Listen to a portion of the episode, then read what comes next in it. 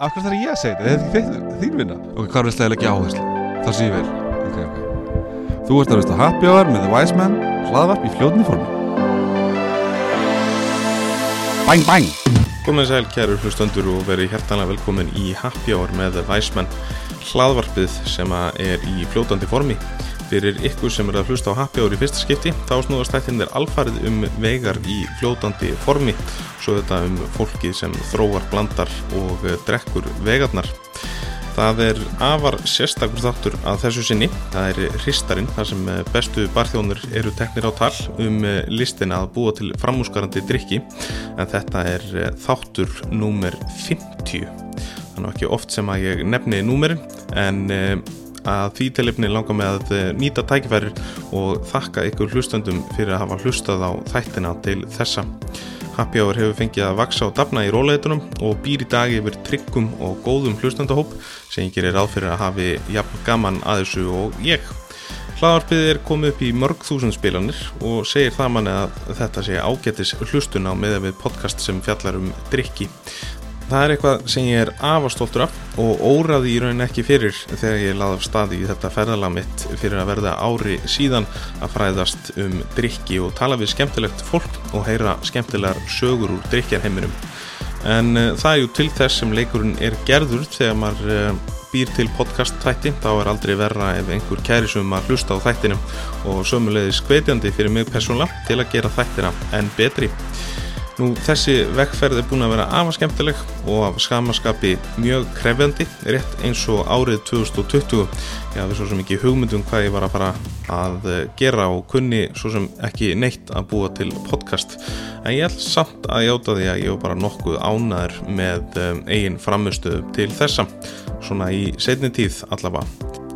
maður er enda frekar skrítið en maður veri ekkit eh, orðin betri eftir 50 þætti en um, ég trúi því hins vegar að góðir hlutir gerast hægt og word of mouth er alltaf langbesta auðlýsingin í hveti ykkur til að vera duglega að benda vinum og vandamönnum á happy hour ef þau hafa áhuga á því að fræðast um eh, vegar í fljóðandi formi Nú það er markmið að gera þættina eins fræðandi og mögulegt er og því hveti ykkur til að koma skoðunum ykkar á framfæri því þið kæru hlustundur getið haft eh, mikil áhrif á um, þættina.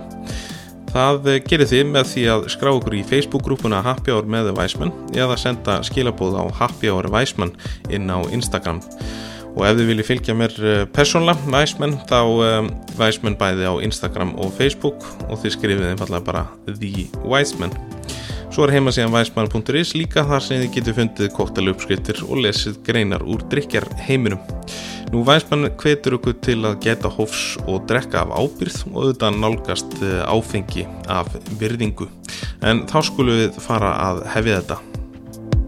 En þá að máli málana. Það er eh, ótt að segja að viðmöndi minn í hristaranum í dag hafi verið á listanum allt frá upphafi Happy Hour fyrir að verða árið síðan. Hann er einn af bestu barþjónum setjum tíma á Íslandi, ætla að lefa mér að fullirða það og eru nokkra ástæði fyrir því sem ég mun heiklust nefna í þessum þætti. Þrátt fyrir ungan aldur þá er hann bareigandi á samt fjórum vinnu sinum á hann koktelbarinn Jungle í Östuðstræti. Eh, Tveir af þeim hafa til að mynda komið í Happy Hour og fyrir áhuga sama þá er um að ræða Viking í þætti nummer fjögur og Jónmund sem var fyrsti gesturinn í Happy Hour með The Weisman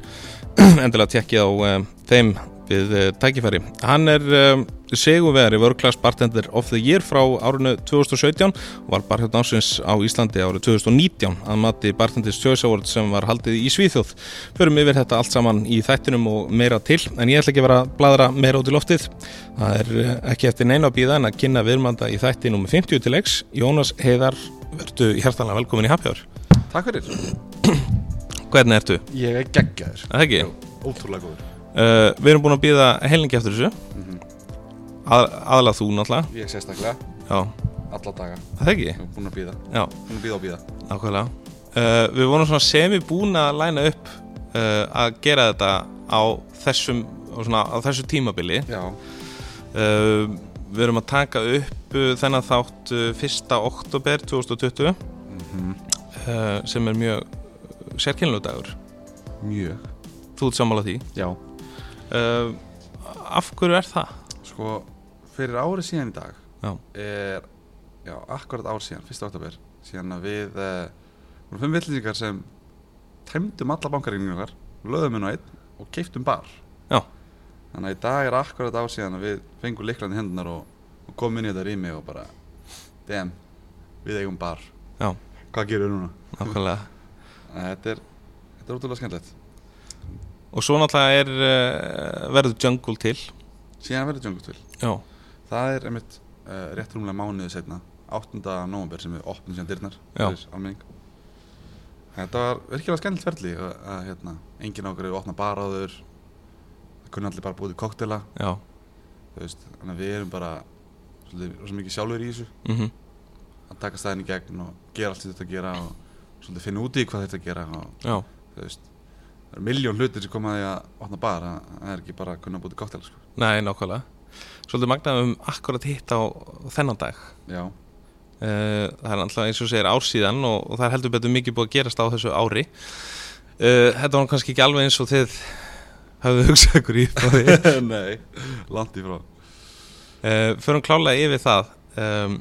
í þessum þætti en svo ætlum ég að spyrja þig eins og ég spyr alla barþjóna í hristaranum uh, svona aðeins um þinn bakgrunn og, og hvernig þú endar í, ég veit ekki bransanum og þess að það og ég ætla að spyrja bara hver er Jónas heiðar Sko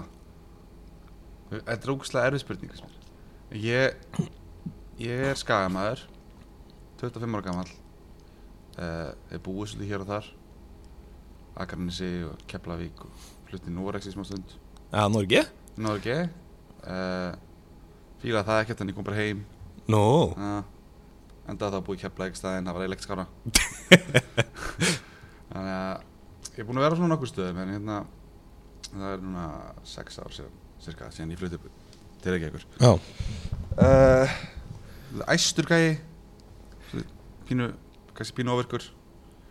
Svolítið svona manískur kannski já, Ef ég fæ eitthvað hugmyndi þá bara fer ég og bara kafi þær og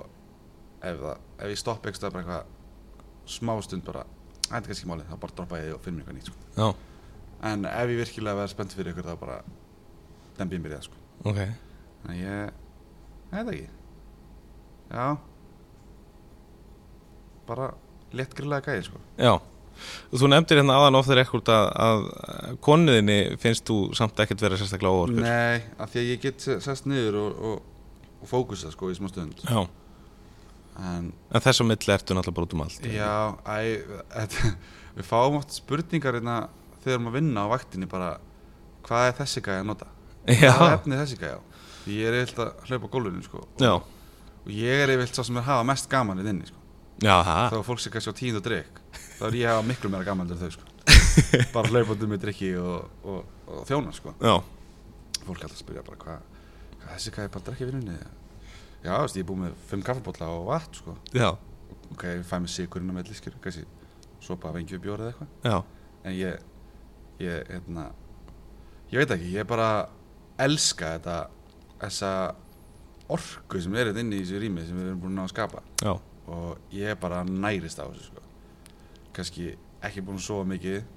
þessa nóttina, það skiptir bara engum máli Nei. þegar við erum komin í rugli sko. þú finnur bara kraftinn þá já, þú veist, það er bara eitthvað ég veit það ekki, ég hef bara hef svo skringilega gaman að þessu, sko. Já, hvort sem að sé inn á barnum eða á gólfinu það er bara þegar þú ert komin í þetta són þá bara einhvern veginn bara gleymi ég öllu vandamál já, og maður er bara, þetta er vandamál mín núna, bara mm -hmm. þú veist, sjáttu þess að allir séu myndir ekki sjáttu þess að allir séu afgaman, sjáttu þess að allir séu sáttir að séu vatnaborunum, að séu, þú veist fá góð þjónustu, bara eða að drikkirni séu að fara hratt út eða þú veist, bara séu allt on point, skilur við, Mm -hmm. og það er bara svo gaman sérstaklega, þú veist, þegar kvöldið er búið og maður bara, djöfis, fucking ruggla þetta maður Þú veist, en það er svo gaman, skilur við já, Ég, ég, hérna, las alltaf góða setningu daginn að, hérna, að- að bestu momentin er yfirleitt þegar þú þarft að horfa tilbaka og hugsa hvað var gaman já, ekki mómentin sem er bara eitthvað, vá hvað þetta er gaman já, já, já, Skilurðu, þegar, þegar þú hugsað tilbaka þegar, þegar þetta var aksjóli kannski svolítið erfitt og Mhm. það var kannski pínu krefjandi og svona það er einhvern veginn ekki tími til þess að hugsa um er þetta gaman Já, eða leiðinlegt? einmitt. þú þetta er bara, þú veist þú ert bara að vinna að ykkur og það er erfitt og, og krefjandi og síðan einmitt þegar sest niður og nærða aksjóli að slappa af Já. bara djöðar þetta gaman það er yfirleitt besta momentin sko, Já, já, já þú veist en hérna, En förum aðeins sko í, í svona þeim bakgrunum, þú er búin að búa þarna út um allt og annar að heyra að þú hafi fíla Noreg svona mikið mm, Sko ég, ég fílaði ekkert núri bara að því, þú veist, ég var bara þeim aldri sko. Þú veist, Ég var 17 ára eða 16 ára gamall Já,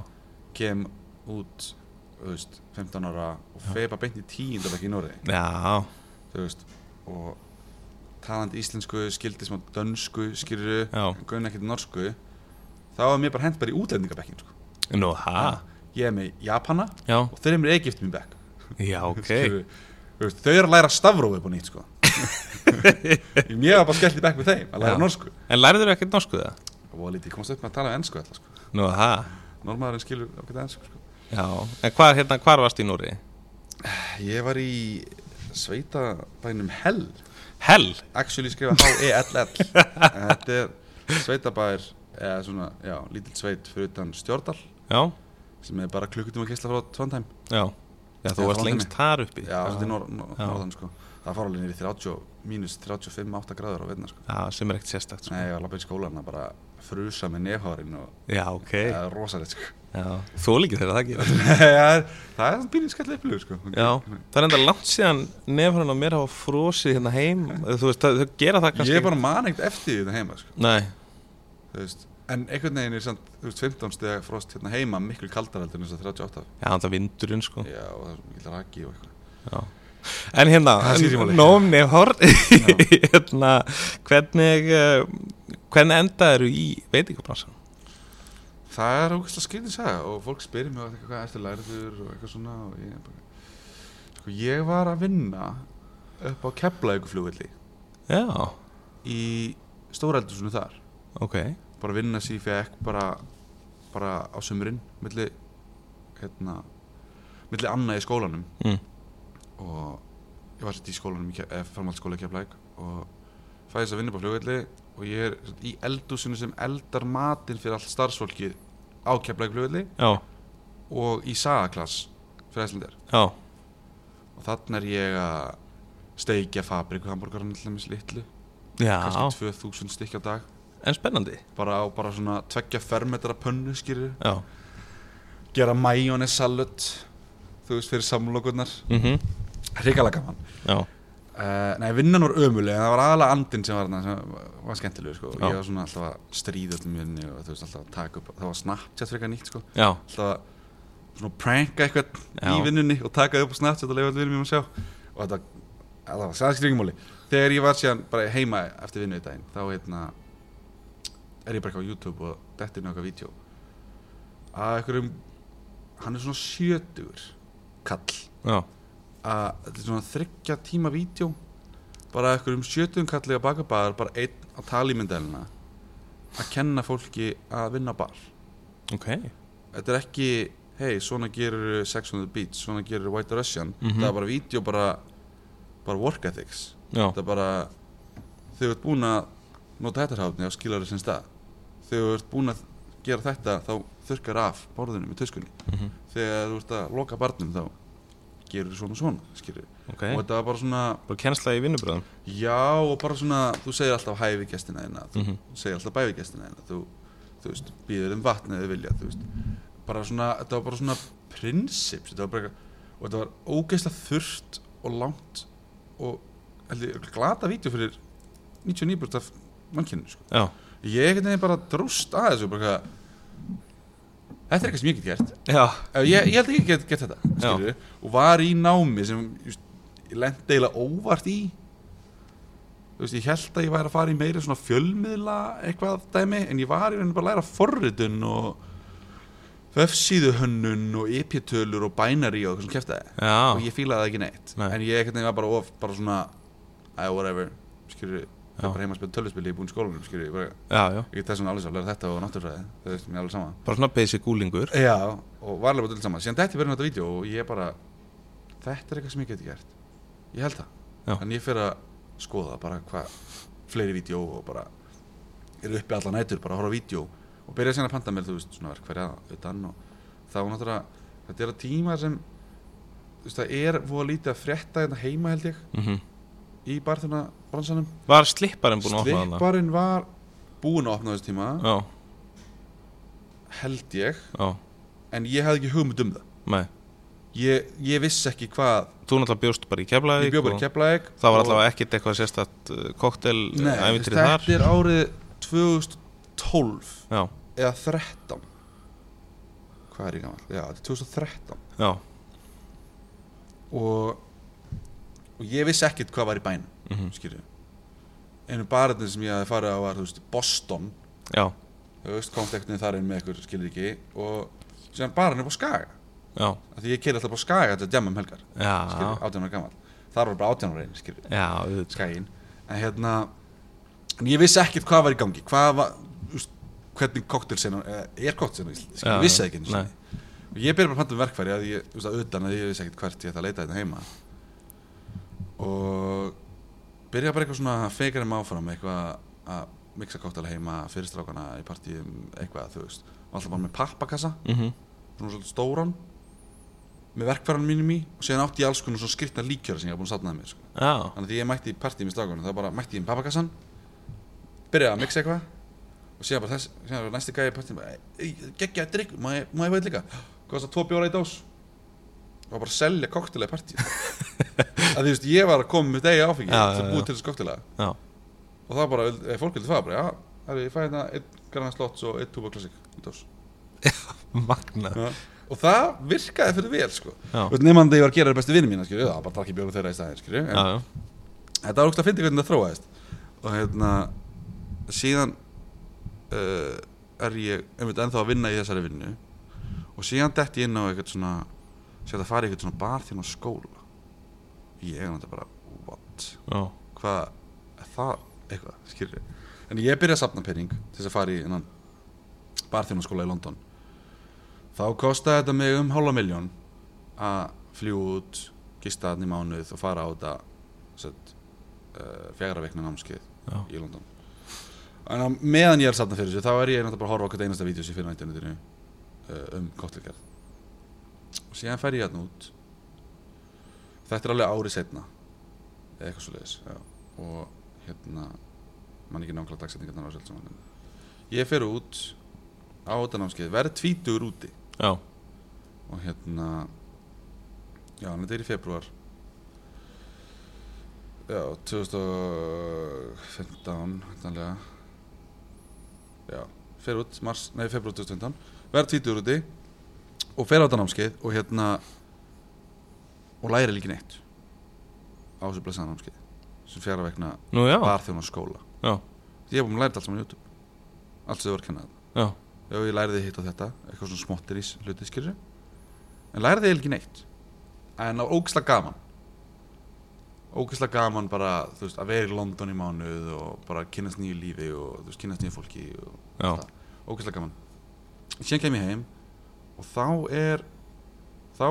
voru reyni bara þrýr mánuði síðan Apotek opnaði já, Og ég lendi heima og er bara svona, ok, ég ætla að taka mér bara svona tíu daga í að skoða hvað er á Íslandi og, og byrja að segja vinnur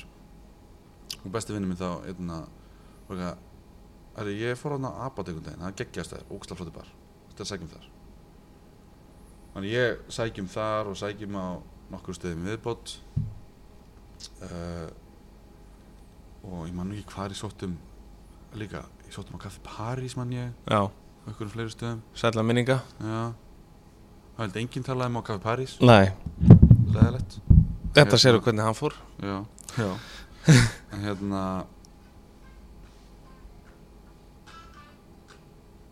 En Hérna Og síðan fæ ég bara skilur bara frá apotekinu og, og bara kom í kaffi Já. Og ég fer og heiti þau og, og ágætis fólk og fæ síðan, þú veist, svona erfitt, ég bara komið pröfu þarna og þannig svolítið byrjar þetta sko Já, Þetta er í mars 2015 sem ég byrjaði að nabdeginu og það var útrúlega skemmtilegt og langu tími sem var það sko. ég var þar alveg í fjögur og hálft ár Mhm. já, og lærði eiginlega svolítið allt þar já, en ekki af einum en einum þar þú svona sjálflæriðir svolítið Já, af því ég byrjaði þarna ég segi staðinu búin að opna í þrjá mánuði þar. Já, og þá er Kári mhm, og Rál já, þeir eru svona,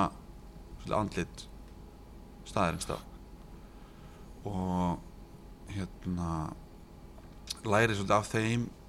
sem byrja með bara hvernig staðurinn virkar, hva, hvað er á seðlinu, hvernig drikkið virka og, Já, og ég man svo vel eftir fyrstu vaktin sem ég mæti á að þá er föstaður að lögdagur og það er bara að gera glæningsstaður og, og þetta er bent á núna áskýrur og bara eins og þú veist hvernig þetta virkar bara þá verður þessu stað vinsæll mm og á þessum stað nei, á, á þessum aftekinu, á barnum þegar ég byrja, fyrstu mánuðina anna, þá er sér, sérstök mojítostöð já. mojító er þetta bara The, kóngurinn Já, já, í kóttelsinnu á þessum tíma og þá er sérstök mojítostöð inn á barnum nema hún er sett upp þannig að þú ert fyrir utan barinn já, ég man eftir því. þar sem uh, vinkelirinn er Já, á barnum þannig að ég stend fyrir utan barinn og er að gera mojito og, og ég man, eftir, man svo vel eftir þessu síðan kem ég daginn eftir á vaktina eða hvort sé bara sömu vakt ég man það ekki en að ég bara, segi bara strákan sem er á barnum þá bara þetta meikar enga sens Nei. þetta er glórulust ég hefði aldrei unnað bar Nei. ég, bara, en þetta, ég veit þetta Já. þetta meikar engan sens En ég, að ég var úst, að gera mojito hana Mm. en síðan er ekki mojito bama þannig ég lappa inn á barinn og fer á dæla bjóri eða gera eitthvað skilur ég, nýta tíman já, já. og þeir ætla að koma mojito og ég hlaup út af partum og hinum með barinn að gera mojito síðan er ég bara, þetta meikar engan sens þannig bara daginn eftir að bara "Herra, ég ætla bara að setja mojito stöðuna hér ég ætla að hafa hann hérna, Já, inn á barinn ég ætla að vera hér að gera mojitos já, já, já. það meikar engan sens þannig að það tókum ekki langa tíma að byrja að skipta mér eitthvað af sko. Nei, og sem var alltaf svona, já þetta kannski meikar alveg sens en það var að því að þú veist, þegar barinn var hannaður þá var hann hannaður fyrir þess að djúist múítastöðu þannig að öll fannst það mikið synd að vera ekki að nýta þetta pláss já, já, en þetta pláss var þetta algjörlega var nýtt að því þetta er það sem gestinir labba já, Þú veist. nákvæmlega. að vera með starfsmann bara stationary hérna fyrir bara gangveginn við að klósettum skilur Já, Þú já, veist. og snúa baki í gestina. Já, auðvitað það skilur við, þú veist, bara aðsnalegt En já, hann, ég, ég læri svolítið af, af hérna Kára sérstaklega svolítið svona, bara virkilega svona basic, bara kannski hvernig þetta hugsa um Mm að gera koktela uh, hérna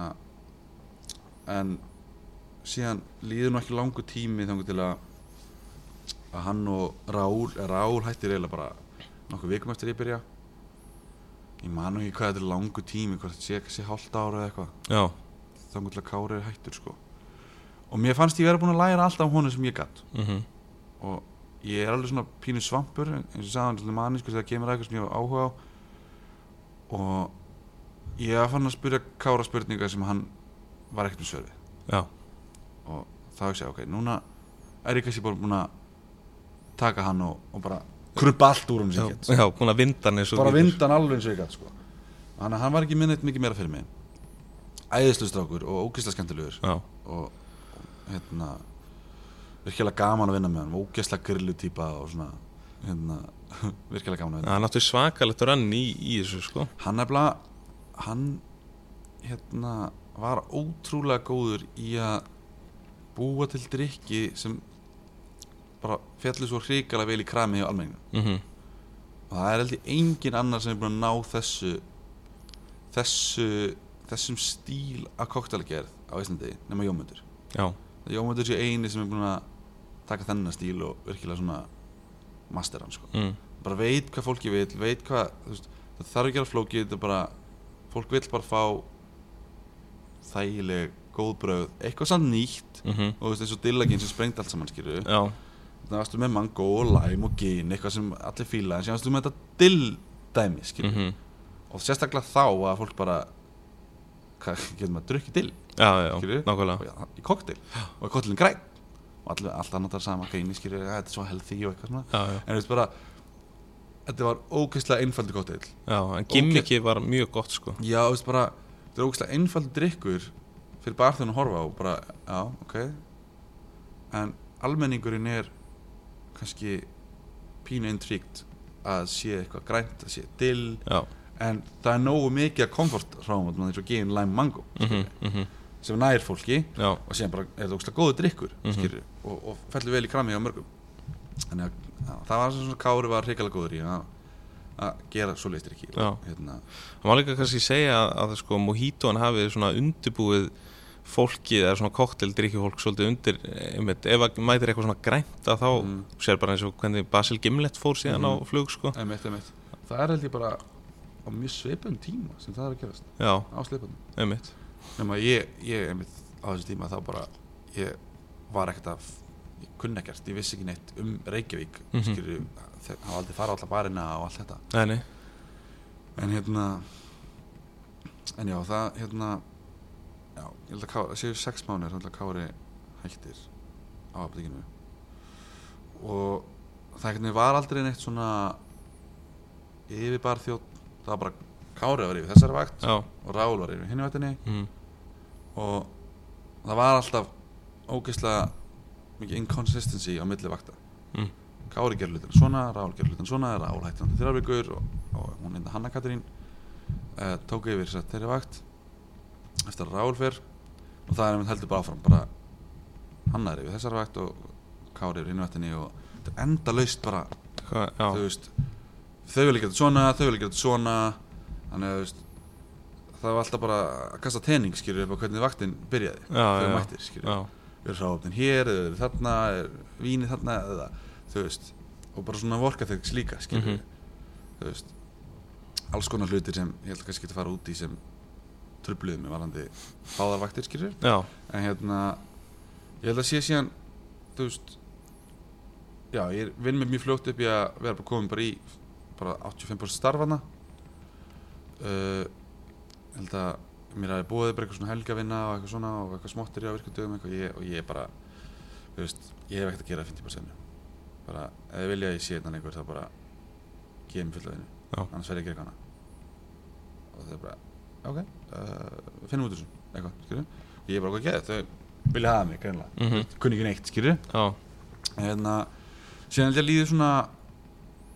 annað hálft ár kannski þannig að ég er alveg komin upp í koka af bara hvernig allt er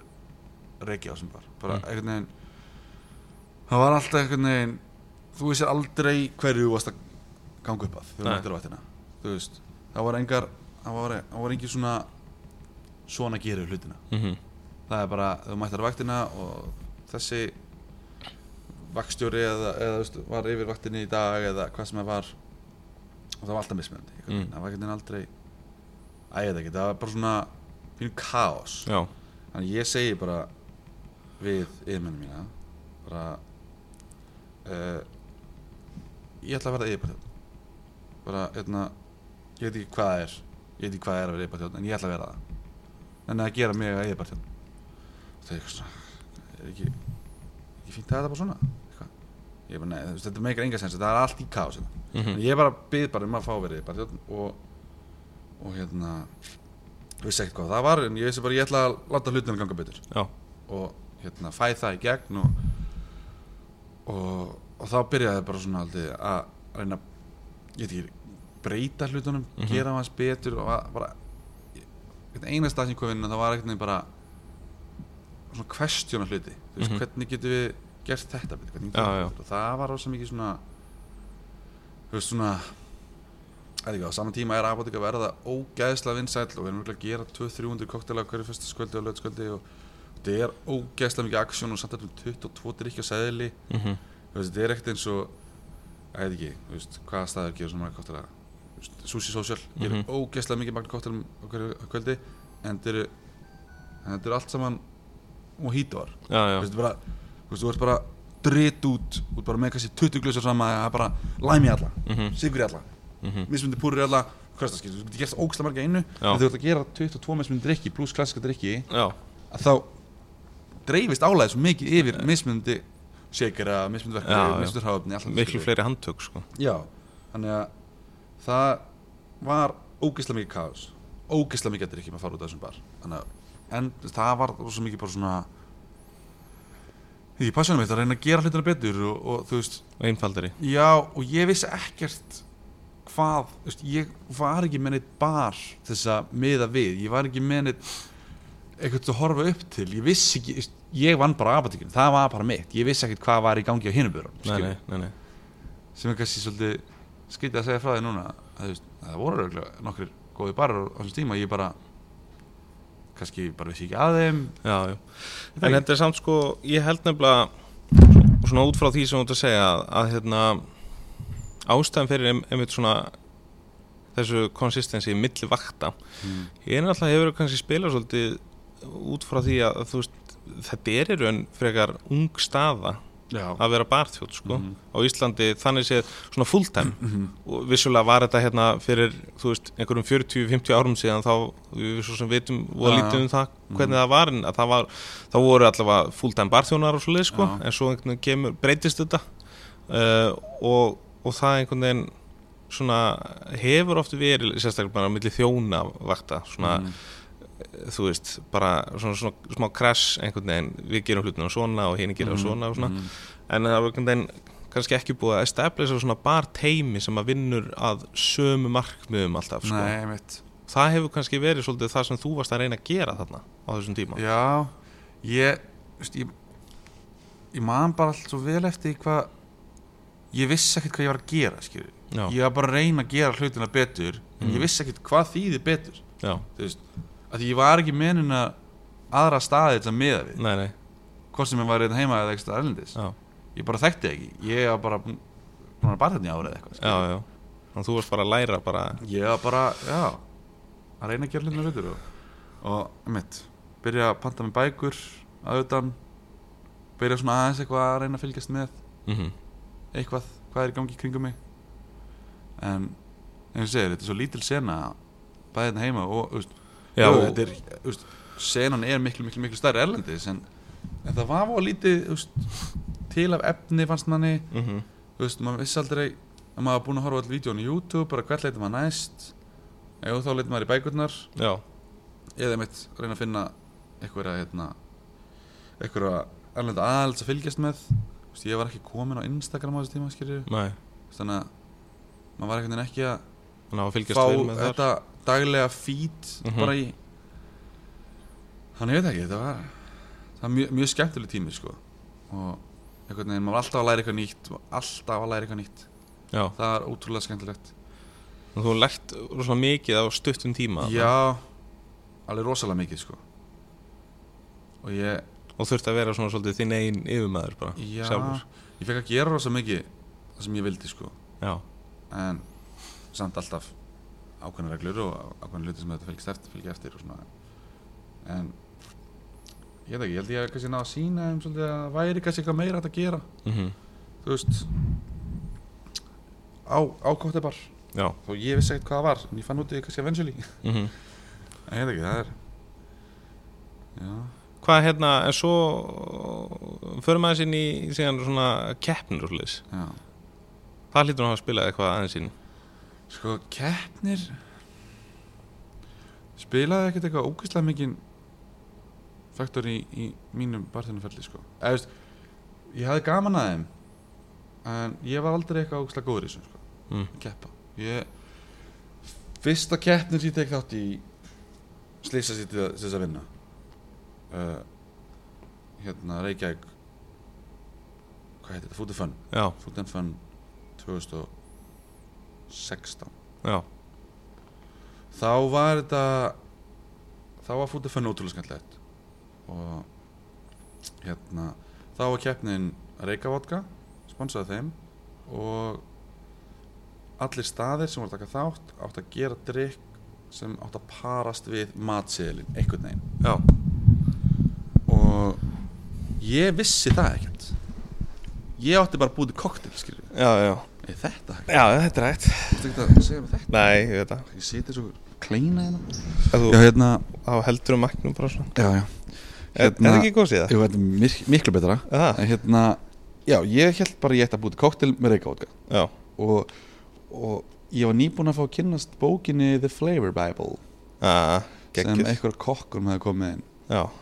og hérna og ég er bara eitthvað flætt í gegnum hana skoða eitthvað bröð og bara eitthvað svona já, ég veit hvað greipfrút er ég veit hvað lakrís er mm hvað er parastel við lakrís fyrir það sem kannski veit ekki hvernig fleibæbúli er þá leitar það bara upp ákveðinu bræði og það kom upp alls konar góðar paranir Mhm. og eftir hvað textin sé bara vennilega skrifa eða í bold eða, eða caps og bold er betri pörun já, já, og ég er bara ekki slætt í gegnum hana og sé bara eitthvað ú, Júsú, Júsú, við erum með svoleiðis við erum með Júsú á barnum mm og skoðið ekki einu Júsú og þú veist fletti gegnum það og bara það er allt frekar boring en maður neðst í- í hverjum uh, hverju bragð eða hverju hráöfni já, eru svona flavor combos já þú veist, eins og kannski svona já, bræðsamsetningar eða krækibér þá, kannski krækibér, skýr og vanilla þú veist, gegn kombo uh, en í Júsú var Júsú, grapefruit green tea og salt karamel og ég bara, eitthvað, þetta er grilla sem ég hef heyrt sko. já, Og ég bara, eitthvað, ef veitu ef það er ógæst að grilla hlýtur að vera eitthvað sem fólk er ekki smakkaða þannig ég bara, ok, ég er með Júsú ég get júsa grapefruit uh, ég gerir grænt teg síróp og ég er með smjörkarmellíkjur næstu ég sama á salt, saltkarmela ekki alveg, en samt ég bara, I'll go with it mhm og bara eitthvað, ég ætla að gera kóttel með þessu sáðum og finna einhvern veginn út úr þessu pröfa að gera græn til síru og djúsa helvits greip alltaf niður og á þeim tíma er ég bara eitthvað, ég fokkar með djúsa maður svona stóra návöxt skilur. en allavega hérna og einhvern veginn næja að púsla þessu drikk saman og, og hérna heitir Hekla uh, koma, koma að því sérna en hérna, og ég var búin að vera eitthvað undan með hann, þetta er eitthvað sem kemur núna til mín einn eigandanum á aptekinu og bara hérna, er Jónas það er þetta fút en fönn keppni uh, búið til kottel hvað er, er ekki bara að gera þannan eða ég var að búa hann til jújú, jú, flott ok, setja þetta seðilinn skýrir fút en fönn kottellinn og, Já. og síðan kemst ég að því bara þegar dómarinn er mættir í hús að þetta væri keppni, veist það með og að þetta parast við helvits matseðilinn sem er í gangi Já, ég enda bara eitthvað fucking shit maður Heru, hvað, er, bara, hvað er á sem aðtali og kokkurinn segir mér og ég bara, ok uh, Grapefruit, getið þið parað það við eitthvað af þessu drasli uh, og segir kokkurinn, já, we have grape Þú veist, gestakokkurinn, we have grape can no grapefruit oh no, we only have grape Og bara vimber á okkur sæðri, skilur á Já, okkur, já. okkur réttinum en ég okkur fyrir hleypin pestrið þá var karmelu popcorn á desertin Já. ég, eitthvað, herru, ég er með karmelu herru, ég skreiti koktelin með karmelu popcorn það komið já, snilt kemst einhvern veginn í gegnum þá þú veist, komin í top 6 eða eitthvað og fer þar alveg endi að keppa í úslitunum við hörpunni og þar er fiskið sem hétti Jómund já, þegar ég tek hann og mala hann í þessari keppni og ég enda að mala hann ekki neitt sko Nei. en þú veist, ég vann skilur en, já, en þú veist, það vissi enginn hvað það var að gera í þessari keppni já. Ég held að það hef verið síðast skipt sem einhver malaði hann í einhverju kæði já, nei, ég mala hann síðan aftur tveim ára senna Já, það er rétt, það er rétt, það er rétt já. hérna en það, eh, því ég horfði tilbaka á þessa keppni og vissi enginn hvað þið voru að gera Nei. það er allir upp á sviði þú veist allir að tala í mæk á þenni fór þú veist, Já, gera já, þetta ekki sinn já. allir eitthvað, hei, ég heiti Jónas og ég er ekki af að tek, skilju hræðilegt, Já. og allir að reyna að segja eitthvað frá driknum sínum ömulegt, sko en hérna en já, slýsast að vinna þá keppni og það er svona fyrsta keppni sem ég tek þátt í og, og, og, og slýsast að vinna síðan einhvern veginn varum alltaf að taka þátt í minni mig, eitthvað svona litlum keppnum já, hér og það er eitthvað fekk risastóran byggar fyrir þessa keppni ég veist ekki hvað er að gerast sko. nei, hjút sko já, mér er ennþá brjálæður, hann hefur ekki fengið stærri byggar sko. nú að það Þegar hann er búin að fá tíu byggara eða eitthvað Já, já, ég á bara einn, eða tvo já, minni satt stærstur sko. já, Nei, hérna já, en ég var, ekki- stu, ég, var ég, ég var alveg spenntið fyrir að keppa og kefta alveg svolítið sko já, ég held að ég hef bara verið aðeins svo f- graður í að gera nýja hluti og gera eitthvað svona kannski svolítið pushing the boundaries og gera eitthvað skrýtna hluti mhm, að ég vanna ekki þessar keppnir skilur já, og kannski, já en síðan kemur uh, World Class já, 2017 það er árinu setna mhm, jú, árinu setna eða einu og hálfu ári setna já, og ég er bara eitthvað, World Class, World Class ég hafði þá sko aðeins heyrt af því frá árinu áður já, þegar árið sem þú vannst ég fylgdi það ég ekkert með því við segir ekkert hvað var í gangi og hérna já en síðan kemur að ég að skrá sig þar og ég bara, já ég alltaf ekki þátt ég hérna læri bara helling af þessu ef, þú veist, ef hérna, the worst case scenario, þá bara Já, læri já. ég helling af þessu og það er kannski þá sem ég virkilega svona byrja að hafa áhuga á keppnum mm en samt eiginlega bara þessum stíla keppni þú veist, þar sem þú þarft actually að fara upp á svið og, og, og kynna sjálfa þig og kynna drikkina, kynna þinn stíl Já, segja frá að því ég hafði keppt í til þess að ekki að kóktavíkend og þar náttúrulega í þessum f- keppnum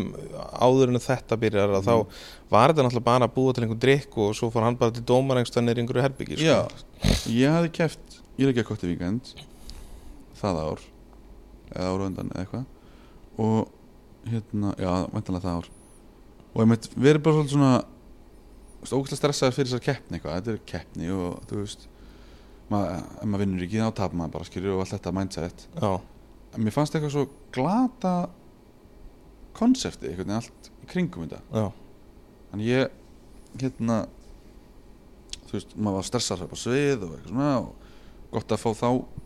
upplifun skýra að fara upp á svið og vera stressaði fyrir því en mér fannst bara konseptið að koma eins og volklaskeppninni bara svo miklu, miklu bara allt annað kalibri já, já. og það var eitthvað svona sem ég svona, hugsaði, ok, þetta er eitthvað sem maður getur FG, þetta er eitthvað sem maður getur þú veist, orðið betri í. já, Ég já. veit ekki Kokt, að gera koktel bara á sviði eins og er ekki að koktel en bara, þú veist, og það er þú veist, það er, þú veist ekki að tala, þú veist bara að gera koktel bara sviðt í vinnunni og já, sen- já. síðan að senda bara einhverja 40 manna blinddómnefnd, skilja Það er alveg svo, svo mikið sem þú getur fengið út úr því fyrir sjálfa þeir sko Já, þú veist, og ég veit ekki, þannig að ég alveg demdi mér pínu í þetta volklastæmi og hérna Já, svo þið lagði úkislega miklu vinn í það og sérstaklega þegar ég horfði tilbaka sko hérna bara eitthvað þegar ég er að skoða uppskriftin sem ég var að gera þá og eitthvað svona ég er stundum alveg verið svona bara pínu inspired af sjálfum mér sko, hvað Mm. ég var að gera þá að ég var al- alveg pínu að pússa hvað þóttist vera normið í gott sem Já. eitthvað á þessu tíma finnst mér ennþá í dag sko mm með suma af þessum drikkis ég var að gera og þeir eru með þessi ennþá relevant sko, sumar af þeim en hérna, mér Þetta er- fannst bara svona magnitúti að þessar kettni vera svo Já, spennandi sko. þetta er náttúrulega l- s- svo sem líka svolítið tvent ólíkt bara keppnisdrykkir og drykkir sem þú getur verið með á bar sko algjörlega sko það er alveg svolítið tvent ólít en, en samt sem maður finnst mér kannski að við sem einhvern veginn að brúa það bíl sko að finna út leiðir hvernig maður getur gert alveg outstanding drikki já, klálega sko á bar og því hefur hann svo sem sínt það hérna á Djöngól já, við reynum að vera með svo að mixa þessu báðu sko Nei, en hérna í, í Wolflist þá, þá var ég að þá var ég búin svona að kynnast því að ég geti sörfa drikkjum einhvern veginn öðri seldur en bara í glasi já, eða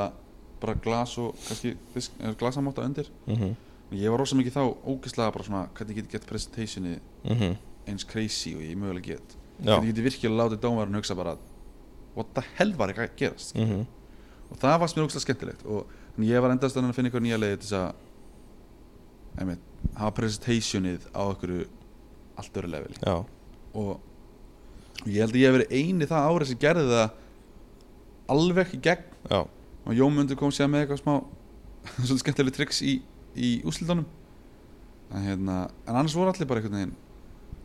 jú, það var kannski eitthvað smottir í hér og þar en þetta fannst mér vera svona þessi, hérna, skar mig út frá hófnum kannski mm þannig að þetta voru náttúrulega allir að reyna að gera góða kóttel og allt það en hérna en síðan fekk ég svolítið ógeð því eftir sko. já, ég hérna, hætti að fókusa svona mikið á prestationi og fóð meira að hugsa um ráfnum mín og já, og vera með meira clean simple drikki kannski. já, já. og það er líka kannski komið inn að það svona fyrir þá sem ekki vita að vröglaskeppnin er náttúrulega svona stærsta koktelkeppni í heimi í raun og veru já, er það stærsta í þessu í sínum flokk sko Já, og, og þar er svona svolítið pælingin að, að gera drikkina svolítið svona ja, meira, það er, það er, þú veist þú ætti að koma fram koma hugmyndinni svolítið meira á framfæri líka já, og þetta er svo miklu meira heldur en bara að gera koktela í þessari blessuðu kenni sko. Já, þetta, er, þú veist, þetta er ég veit það ekki kannski pínu svo pólitík sko þú veist svo mikið að selja þig Já, já. sem kandidata skilur Já, já. í leðinni og rúka síðan einhverjum bröndum í leðinni já, já, Þú veist, þannig að þetta er þetta er allt öðru þetta er alls ekki fyrir alla sko nei, nei En ég get nú sagt samt um maður að því nú hefur nú dæmt þessa keppni alveg síðan 2016 mm. að það er það er, sko, þú ert í raun með bæði drikk og prestation svona sem að ég man sérstaklega mikið eftir sem er Garden Party já, það var svona skemmtilegur Rú- Mér fannst ég líka að vera sko Mér fannst ég vera sko að brjóta allar reglur og bara þetta er eitthvað sem fólk mun muna eftir sko. Já, já, og heldur með þú að gera það hráöfnum sko. Já. ég var að nota paprikusaði kokteil sko. Já. Bara- og boru fram í papriku skilur já, neða, disco paprika on the Sæt. side Disco paprika on the side, já Já, já þetta var briljant og náttúrulega svo, þú veist, þess að konunum þetta að að til þess að fá fá hérna hitt ski- skilvitið sk, Já. skilningsvitið Mhm, sem eru eirun að spila messuforti og, og gardapartí já. það er hrikalega sniðut, sko það er ógst að fyndið sabak þann drikk að ég- ég hafði actually búið þann drikk til bara, eiginlega bara viku áður en við fengum actually verkefni hennar Já, og ég náði eiginlega bara að sníða það að challenge-inu já, já en það var sætt ókslega rólegur dagur í vinnunni og hérna okkur leiðist ókslega mikið að barnum og ég segi bara við hönnukattin sem vinnum mér þannig að fara niður í kæli eða bara fara niður Já, og ná í eitthvað eitt hráefni svo heldur ég get ekki búið koktel með mhm, og ég ætla að gera eitthvað úr því já hún kemur með þess að blessu gulu papriku og ég er bara að sjóðu sko. Já, þú ok veist ekki hvað er að gera skilur Nei, en bara að djúsa þessa papriku og, og bjóði gardipartí eiginlega bara, þú veist, óvart þú veist, varð bara ókslega næs fast mér Já, og síðan kemur Challenger og þessi hendur og ég bara mhm, mhm ég get gert það, ég get sett kattabætt hérna já, og bjóð síðan til hann allt ruggli í kringum hann já, síðan já, og með hann að stikka platan og eitthvað grilla, grilla eitthvað barbecue, eitthvað já, já, já. hérna, grammetis spjóta hann hann þið sætt og messa fortið náttúrulega undir og, Já Það var mjög og skemmtilegt limdi eitthvað djöðis blikkandi ljós inn í paprika og setið þurrið hjón hérna og Það er sko. náttúrulega drullist eitthvað það var mjög fyndið Getur ekki klikkað Já. En hérna, svo er hann Það, þú hittir Jómund og svo fljótlega kemur hann á aftekið ekki Jú, sko, ég kynnist Jómundi á, eða við kynnumst eiginlega ekkert á þess að reykja kottvíkend Nei. uh, Hann hataði mig eftir aðna keppnina aðna, að sem ég vann með heklu, aðna reykja keppnina Já, og bara, hann hataði mig, víst, sko og bara að þessi gæja hafi unnið og bara eitthvað, hann með skítadrykk og eitthvað Nefn að síðan komist við að því miklu, miklu, miklu setna að það var alltaf meðskilingur já, Hann hélt að ég væri annar gæja með annan drykk já. Hann held að ég væri gæin á þessum bar með bara vodka sour Mm. og væri djöfis kæftaði að hann hafi unni sko. já. Síðan komst hann að setna að það væri miskilingur og hann hafi hatað mig óvart Já, en hérna, hann alltaf elskar þið í dag já, ég veit ekki hvað hann væri hann mín sko.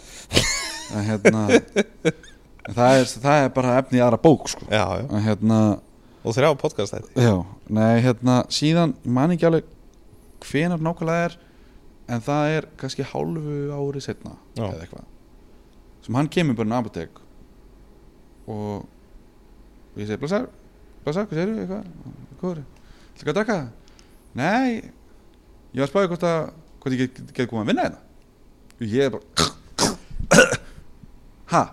bara það stú ekki gæðin sem hataði mig skilur, þetta er ég nýkom með eitthvað svona pínu völd af því, ég, Já, já. ég, ég má ráða inn og eitthvað svona skilurðu. Já, Eða, veist, ég, samt ekkert við laun eða mátti ráða en ég mátti taka viðtölun skilur Já, já. og hafði kannski eitthvað smá segi sko. og ég er bara eitthvað á þessu tíma er hann að deyta frængu mína sko, jómundur já, og ég er bara eitthvað, "Bíddu, hann hata mig af hvernig komast ekki að vinna við þetta ég er ekki hugmynd við það sko. já, Bara hvað á- vill maður neila skilur já, já. hvað er hann að gera þetta Nú, ég, ok, geða eitt, já, örglega þú veist hvað, skilur og hann byrjar að vinna með mér um helgar já. og hérna ég man ekki ná, ég er svo liðlega með svona tímalínur og Já, þess að mikilvægt, síðan líður eitthvað svona tíma til að að Hanna Katrín hætti þannig að þá á sama tíma hann er að vinna á kopar, skilur, á sama tíma og, og hérna, já. og það eru að bjóna að vera vakstjóri og hann eitthvað svona ég held í sig að fara að vinna annar staðar og, eitthvað svona, og ég er vakstjóri í smá stund og eitthvað svona kæta og síðan kem ég bara, einn daginn kem ég bara hlaupat inn á kopar með hann á vaktinu bara Hanna er hætt já. það er komið fullvinnaferði let's go skilurðu. og þá verður svolítið okkar teimi til sko, við, Já. við og Jómundur og hérna, ég held að það verið svolítið svona ógæðslega stór tími fyrir okkur báða já. við erum báðar að læra ógæðslega mikið okkur öðrum og við erum þetta báðir kunnum samt elgin eitt mhm, þú veist, jú, við erum með alls konar hugmyndir og svona en, en við erum ógæðslega mikið bara að læra Og gera hvernig annan betri Já Og það var, sem ég svona, kannski kemst það svolítið setna kannski svolítið svona hugmyndina sjóma var bara ef ég ætla að vera bestur þá þarf ég að vinna með bestum Já, mitt. skilurðu. þú verður ekkert betri ef þú ert alltaf klárastu maðurinn í herbygginu skilur sem er klálega tips sem við skulum gefa öllum ungu barþjónum hann úti Já og, og við erum einmitt bara þú veist, báðir svona graðir í að verða betri já, og þannig erum við alltaf að gera eitthvað annan betri mm endalaus,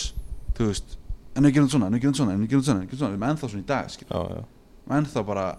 ósamálum hundar hluti en þar leðandi finnum við nýja lausnir, skil Mhm. og það er svo ógeðslega valuable já og eitthvað sem ég held að ógeðslega margir sé að Að feila- sleppa já. og missa sko Já. þú veist, af því að þeir eru yfirbæþjóð Mhm. þeir ráða, Mhm. eða þú veist þeir taka ákvarðanar, skilur my way or the highway já, og svolítið er ekki að questiona hlutina nógu mikið, skilur já, og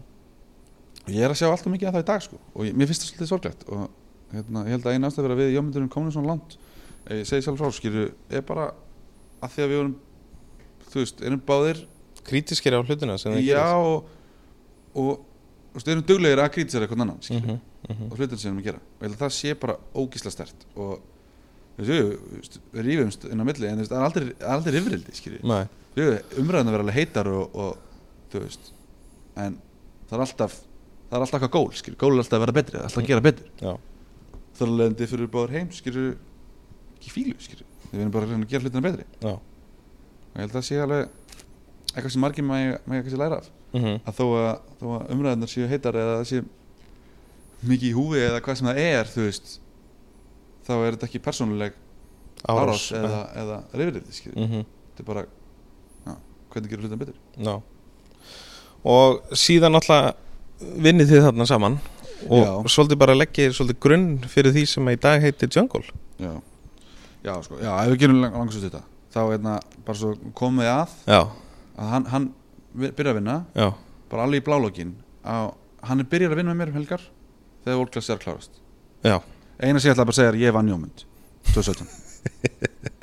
en það var síðan skipt sem ég vann jómynd já, að ég held að það ár hafi triggerað eitthvað í hausnum hjá mér sko. já, ég held það líka hann fó bara og vann 14 keppnir já, þegar þetta var eitthvað, þetta var skrið það er á meðal workless Já. En hérna, síðan koma náttúrulega hérna inn sinir ykkar innan geðsalapa já, þeir koma svolítið svona aðeins hérna sko Eh, sín okkar já hérna, við vorum með nokkur svona nokkra einstaklingar sem komu gegnum aptek og endust mislingi En hérna ja, það voru nokkur sem standið húr já, og, hérna, og það eru náttúrulega stákarnir okkar sem við tókum með okkur hingað og einn í viðbót en hann, hann þurfti að flytja út á land og eitthvað svona en Já. hérna, hann heiti Almar sem, sem er svona, sá sem við mistum sko. já. en hérna en já, Hann, er nú, Óli og, hann er nú að gera góða hluti samt já, hann er flottu pappi í dag og Já, býr veist að grunda fyrir eitthvað nú já, Nei, hérna En já, það er Ólafur og, og, og, og, og Jakob Eggertsson og Víkingur sem hérna sem svona lifðu af allt rugglið mm frá okkur jömundi mhm. og svona voru pínu til í þetta Þeir byrjuðu í raun svolítið skólan ykkar á apotekinu Já, saman. sko við fengum það allavega úr mismund áttum sko hérna Ólafur, það er kannski skemmtilegast að sagan um honum þegar hann fekk vinnu á Rosenberg Já, hjá honum Bjarti já, sem var að tala bara um daginn emitt Ég hef búin að hlusta á það podcast sko. Já, Nú er skemmtileg að segja hérna, hann er flottur um Já, Bjartur ég elska Bjart hérna, Og mælum með því að fólk hlusta á þann þátt líka Já Ég held Já, sko að að Hann er svo skrítinn Það Mhm. er svo gaman að hlusta á hann og hann, hann leynir svo mikið á sér sko. Já, og hérna en já, hlustið bara á það podcast en hérna, Óli sem sagt byrjar að vinna hjá Bjart á Rosenberg Rosenberg fyrir náttúrulega bara kvolf bara á með tíma já, já og, og Bjartur er- og Óli er bara, ok, þá er ég aðtunlaus Já, og Bjartur er bara, herru, fara og talaði við Jónas á apotekinu sem sendið Bjartur mér skilur bara, herru, ég er að senda eitt gæðan til þín eða tvo reyndar hérna, hann og eina stelpu hérna, getur, getur fundið vinnu fyrir þig Mm. bara, ég hef búin að missa allt það sem ég var og, og hérna, getur ekki gert eitthvað fyrir þig og tekur við bæði viðtöl og bara leist vel á því bæði og, og hérna, hún mætir sérna aldrei en, en Óli mætir mm. og þannig að ég er svolítið svona ættleiti Óla frá Bjart sko. já þessi betur fyrir að Bjart er ekki búin að ná að kenna hann um mikið sko. Ég þurfti ekki að slá mikið úr honum Nei, Bjartur, Bjartur er aðeinslur og hérna kendur hann alveg, alveg Góðan gurum bara Já, þú veist, hann fekk bara svo lítinn tíma með hann Já, já, já Þannig, þú veist, það var voða lítið sem Bjartur náði að kenna honum. Þú veist, það var hann bara tíminn en það var ekki það að Bjartur var að kenna hann eitthvað vill sko. Nei, En hérna Já, og síðan fá hann Jakob Hann, hann byrjar að vinna á aptekinu sem þjóð og var alltaf eitthvað svona alltaf eitthvað að djöblast í kringum barinn sko. já, og var alltaf eitthvað að spyrja eitthvað spurninga og maður alltaf svona í rössinu bara eitthvað æ, hann er ekki bara að taka styrkja og dörðlega burtu skýr eitthvað já þú veist síðan var hann, hann var svo konsistent skýr hann var alltaf að koma aftur eitthvað að spyrja bara eitthvað djöfull er hann eitthvað duglur og, og hérna, Áhuga samar Já, bara eitthvað, hann var að vinna í ykkur djöfisins verktakavinnu, hérna, hérna smíði ykkur hús eða eitthvað á Já. daginn og síðan kemur hann að þjóna á kvöldin og er samt orkuna í að spyrja okkur og er samt að klára versló eða eitthvað með hann eða eitthvað, minnum mig. Já, En, Hérna, síðan líður ekki langur tíma, þannig að hann, hann er byrjað að fá hoppin á barinn um helgar og er samt að þjóna virku dögum og eitthvað svona. mm. Og hann er bara endalaust og ég held svona, hugsaði bara, var ég svona? já, Af því hann var endalaust að spyrja mig eitthvað spurninga og ég þetta endalaust að svara hann um skilur Já, já. við, og bara alltaf eitthvað svona pikk í mann bara eitthvað þú veist og ég eitthvað ok, alltaf að þessi- alltaf að þetta sjást að vera kári hætti alltaf ég hafi verið svona Já, já. og ég hef bara drifið kára bara út en hérna, hann var ógislega hérna, forvitin og alltaf var að reyna að læra eitthvað og, Mhm. svona og alltaf spurði mig um ykkur bækur og ég var alltaf að lána um ykkur bækur þannig að alltaf þegar hann var í fríi þá satt hann við barinn að lesa bækur og smakka ykkur klassika drikki já, og ykkur drikki sem ég hef ekki svo smakka hann var alltaf að smakka ykkur skrýtna klassika drikki sko. ok þú veist hann var ekki að smakka hérna þessa frúti í skýrðu við erum að tala með maðurinn í tvítugur skýrðu Já, og hann satt með sko, grjótara skekkarót í turtleneck að lesa barbók og drekka martíni eða eitthvað skýrðu tvítugur já, ég er bara það er eitthvað skrítið sko. þessi gæði er eitthvað skrítið sko. já, en það var mjög fyndið og hann læriði ógislega mikið og var ógislega dölur og fór síðan á fjallkonni í í smá tíma og, og síðan mann eftir þessu þegar við jómundur erum svona alveg að vera konni með hérna konni með hérna jungle á hreint sko, ég segi við eitthvað bara af því að hann, hann var ekki að fíla það að vinna fjallkonni mhm, hann var bara, ég, ég er ekki að fíla það ég, mér langar bara að fá aftur á bara deg og eitthvað og ég eitthvað, æ, það er leðilegt gef mér þrjá mánuði, já, segi ég við hann já og hann í smá í glasi og hann bara hvað meinar þau? skilur þetta var ógstiskallið en það er sa- önnur saga. en hérna að- síðan segi ég við hann nefnt kannski tveim mánuð setna eitthvað bara hvað finnst þér um að opna þér eigin bar hann alltaf fríkar út skilur Já, já, en það er ógstilega gaman en síðan er vikingur já, hann er svona þriðja barna okkar hann við sko ég finn hann já, þú finnur hann í hérna bullet koktelkeppninni sem var hérna eitt árið Já, þá er hann að vinna á Hard Rock einmitt ég hafði ekkert sérstaklega fallega skoðanir um Hard Rock mhm, hvað sem var á Íslandi eða ekki og ég eitthvað, hvað, það er eitthvað að keppa á Hard Rock við förum og dæmum tvo drikki og eh, enda bara eitt drikki á Hard Rock og þar er vikingur Já, gera hræðilegan koktel og ég er bara ok, hvað er þetta já, en djöfell getur maður tala já, sem gerst þetta að því, hann er frá bandaríkanum skilur tala perfekt ennsku og já, já þú veist, og eitthvað svona og bara, ok maður getur gert eitthvað við þennan gæja Já, já, þegar hann var svo hann, hérna hann talaði af sér raskati sagði okkur, þú veist hvað hann var að gera og hann vissi ekkert hvað hann var að gera þú veist, sagði okkur að hann vissi ekki alveg hvað hann var að gera en hann sagði, þú veist, maður ma, ma, ma, sá bara á honum þessi gæi gæti orðið ógæslega fótið bara hjá ef hann Mhm. gefur sér tíman í það og síðan þetta bara með að við, ég man ekki nákvæmlega hvernig það fer við hittum hann sem aftur um kvöldi á velunafendingunni og spilum eitthvað aðeins við hann og ég man ekki alveg hvernig það gerðist en af hverju hann fekk vinna eða þú veist, af hverju hann kom að vinna hjá okkur En Þið náðuð bara svolítið í hann eiginlega já, við minni það sko Já en ég man ekki nákvæmlega hvernig það Nei, þið getur hlustað á það í, í þætti nummer fjögur er Já. Það er svolítið mögnum Já, saga já. því að hann náttúrulega hefur gert ótrúlega hluti á mjög stötu Já, tíma já, hann er, hann var ógstlega fyndin sko hann er svona algjör límheili sko Já, og ég hef alveg brent mig að þessum sko að vera að segja eitthvað við hann já, og hann er bara, nei 27. mars 2018 þá segði þú við mig að svona er hlutin að vera og maður er sem bara ha, líku við skilja Já, já. hann er kannski ekki með bókina og Nei, nei, dagsetninguna nei, nei. en bara, bara hann man allt já, hann er, ef maður er kannski búin að læra nýja staðnendir, búin að breyta hugsanhættin sínum, Mhm. að þá man hann hvað hann, þú varst búin að kenna hann Já, já, já. og núna ertu að reyna að kenna mér eitthvað nýtt Já. sem ég fer gegn því sem þú varst búin að kenna hann bara byrju, byrju, hvað er í gangi skilur við. það er ókvæslega fyndi sko já, en hann er æðslur hann er svona hérna, algjör límheili sko já, og hann er auðvitað einn af þessum sem lærði sem mest á styrst tíma já, en hérna og einmitt, þú veist, svo- svolítið mikið um þetta því að þú veist, þegar við jómundum um að læra við vorum ekki að læra af henni nei, við erum bara að finna út úr þessu já, já, læra þetta á- sjálfur sko já, síðan koma hann til strákvæðin inn og, og þeir náttúrulega eru þá með eitthvað til þess að læra af já, já, og kannski að besta verið þá er að þú veist, við vorum ennþá að læra já, já, og erum ennþá að læra já, og þannig að þeir hætti aldrei að læra heldur skilur. nei, nei, en eins og, eins og í okkur skilur þá bara það var enginn yfir okkur jú, Natasja var yfir Jómundi og hann var að læra helling af henni mhm, en hún kannski meira í vínheiminum og, og, og, og, og þjónaheiminum skilur mhm, og ég misti Kára eftir 6 mánuð já, gerði hann crazy eða eitthvað hann flúði þannig að ég já, en þá komum við að því sem gerist fyrir ára síðan já. Jungle Mm og mér langar svolítið svona að taka fyrir hérna smá svona smá inganga að þessu en þess að já, það er ekkert allir sem að gera sér geim fyrir því það sem ég er búin að gera mig geim fyrir hvað jungle er hvað jungle er vegna þess að sko það hafa verið gerðir koktelar hérna heilengi og, og hérna og staðir hafa gert koktela bara eins og apotekið og hliðis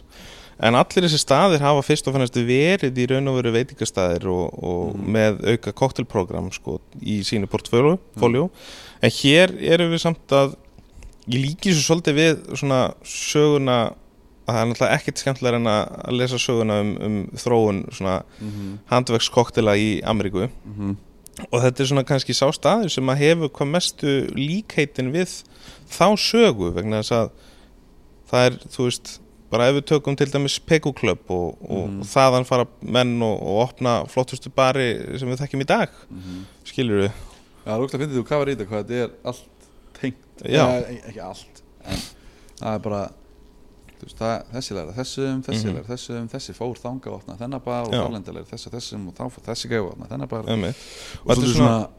einhvern veginn Það verður svona til eitthvað svona smá ættatri -hmm. og þetta finnst mér vera svona í fyrsta sinn sem að þetta gerist hérna heima í koktelheiminum vegna þess að sko, kok- Jungle er í raun þannig sé fyrsti, ekki þannig sé, þetta er í raun fyrsti barinn sem að opnar allavega í setni tíma Mhm. uh, gaggist þess að búti koktela Já, það, ég hérna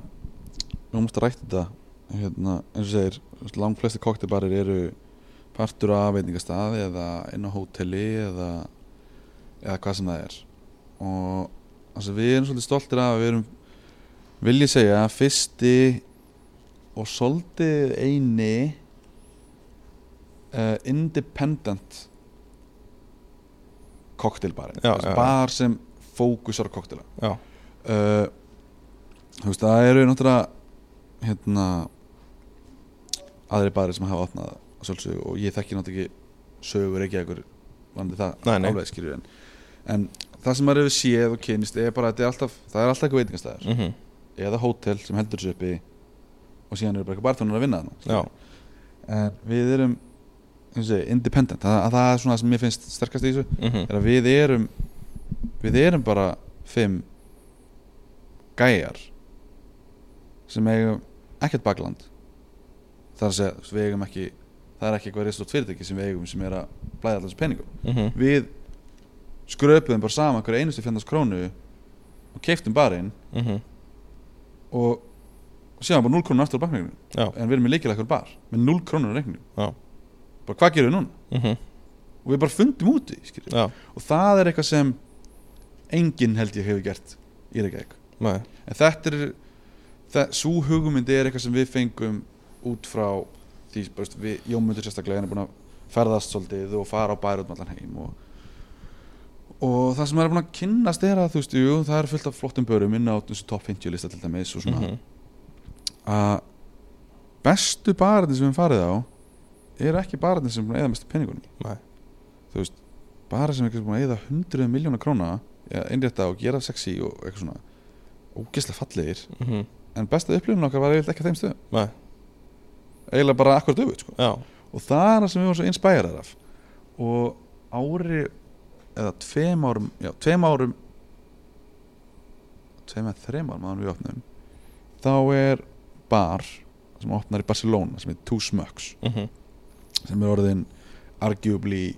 einn uh, þekktasti bar í heiminum í dag já, og, og þeir gerðu þetta svolítið svona bara einhver þrýgæjar, sötnandi penningum saman keifti eitthvað bar og, og þú veist, byrjuðu á því að serva fólki sem satt bara á bjórkútum og þú Já. veist, eitthvað svona skýrir og bara og unnu sér bara upp, þú veist bara núna er smá eitthvað peningur í bankanum, nú kaupið við stóla skýrir, Já. það var alltaf konsepti fyrir þennan bar, mm var að- að smökka þetta eins og já, við köllum já, og þannig að uh, sem betur fer fylgdu stólar þegar við keiftum já, þannig að þurfti enginn að sitja á bjórstólum nei, bór, bjórkútum segi ég. en við einmitt bara þú veist, opnum eða fáum líklan hendunar með 0 krónur inn á baklæringnum uh, og við förum náttúrulega bara og tölum við ölgerðina og mekka og fáum einhvern smá pinning á þeim og, og síðan eigum við jómundur annað fyr- fyrirtæki sem annað félag segi sem, sem hérna uh, var ennþá smá að gera hjá hann að það var alltaf kominn mhm, einhver smá peninga þar og við færum þá alltaf bara beint yfir og kiptum þú veist það sem þurfti að gera og,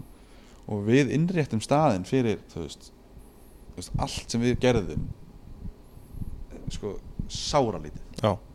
sérstaklega við horfir á aðra staði í kringum okkur sem eru að eða 200 skall í ljósakrónu já, þú veist bara það, þú veist, það er bara crazy sko mm mm. veist, við, við hugsaðum bara við viljum gera bestu drikkin í bænum fyrir ekki dýrasta verið í bænum -hmm. eiginlega helst bara ódýrst að verða í benn og það var alltaf svona koncept okkar að- að bjóða upp á geggja kóttila ekki á rugglu verði Mhm. að við erum alltaf búin að fylgjast með verðin á kóttilinu bara að rísa og rísa og rísa og konu bara í þrjú skall pluss og eitthvað svona já, já, þannig að við vildum hafa kostnaðin að öllu öðru eins minimal og við gætum Já. við ætlum að reyna að gera allt saman sjálfur mhm, en þú veist, allt sem þú sér þetta inni sem eru breytingar gerði við innan sjálfur nema helvits vegfóður eða vegfóður kostar mikið pening og drókslega mikið nákvæmnisvinna við bara, ja, við fáum eitthvað gæja sem gera það skilurðu. en síðan var þetta bara ég þekki gæja sem kom og sá um rafmagnin fyrir okkur skilur, Mhm. þú veist, við borguðum allan eitt og pappi minn gerði hitt og þetta og þú veist, síðan bara þú veist, fundu við einhvern veginn bara út úr þessu Já. þú veist Jómi málaði og Óli málaði og Koppi málaði það málaði allir nema ég já, ég held að það hafi verið þannig ég fekk ekki að mála nei Eða, veist, það hef ekki verið gott ég kannski gerði eitthvað annað skilur já, já, og, og gerði pottit eitthvað annað já, já, ég gerði fullt annað ég var meira kannski í einhverju svona að hengja upp drasl og rífa niður drasl og já, meira kannski svona ekki jafn mikið nákvæmni sinna mhm, en hérna já, hann er, við vorum ógeðslega inspæðir af því að bar þarf ekki að kosta miljónir, Nei. hundruð miljónir og þetta held ég sé svolítið um, eitthvað sem að margir geta uh, tekið sér til fyrirmyndar því að sko í hinga til, og ég ætla bara að fullir þetta og þá hafa langflestir ómikið hugsað um útlitið og ekki innihaldið mm -hmm. þetta er bara alveg eins og þegar maður finnir sér maka þetta þarf bæði að stemma já, einmitt. en hérna er þetta ekki rétt hjá Jú, jú, mér? jú, hárétt að því að sko já, mér hérna í sjófanum Hún er í bakgrunum einhvers staðar. en hérna uh, það hefur einhvern veginn oft verið bara þannig að, að, að- að fólki finnst nóg að hugsa bara um að útliti sér flott og svona Mhm. en sálinn einhvern veginn hefur fengið að mæta afgangi Já. skilur við hvað ég meina, þú veist, þjónustan þar og, Já. og staffið og, og eitthvað svona en, en hérna hafði náða að skapa rosa sál sko frá upphafi jungle mm. konsepti bjóði til fyrir rúmlega tveimur árum síðan vil ég segja já, en uh, það skiptir ekki máli það sem ég ætla að segja er að hérna, alveg oft hérna uh, hugmyndin var alltaf ef við horfum þannig að, þú veist,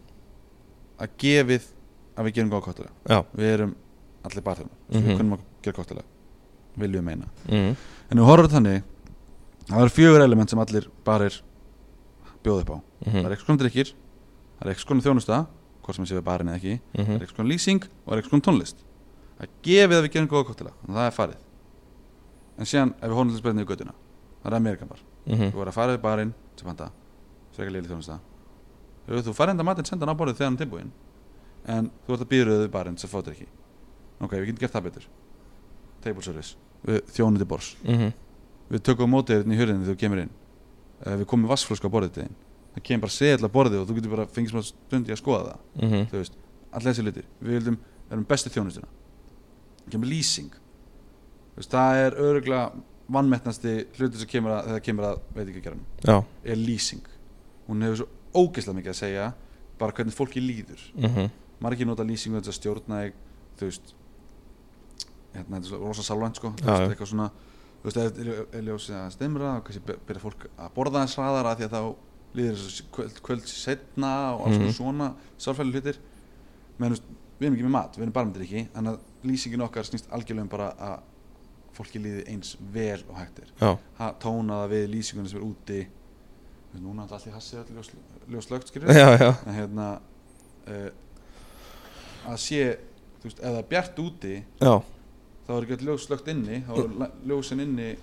þess að reyna að mak- matsa ljósin sem er komin í gluggan skilur, Já, já, já. og öfugt uh, og síðan er tónlist Já. hérna sem er líka hrikalega vanmeti en, en, en það er kannski eitthvað sem flestir tengja við Já. einstaklingar skilur, það hlusta allar á tónlist og spila allir sína tónlist og allt þetta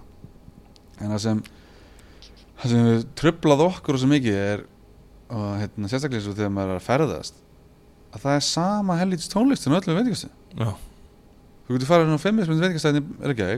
og heyrt sama lagið og hoppað sinni í flugvél og farið til Danmarkur og London og heyrt sama tjóðis lagið en veitingastæð þar Já. það er bara eins og þetta sé bara eitthvað svona eitt playlist sem ætlar að spila Svona eh, ríkis veitingasta Já. playlisti. og maður var hann svo þreyttur af því þannig að við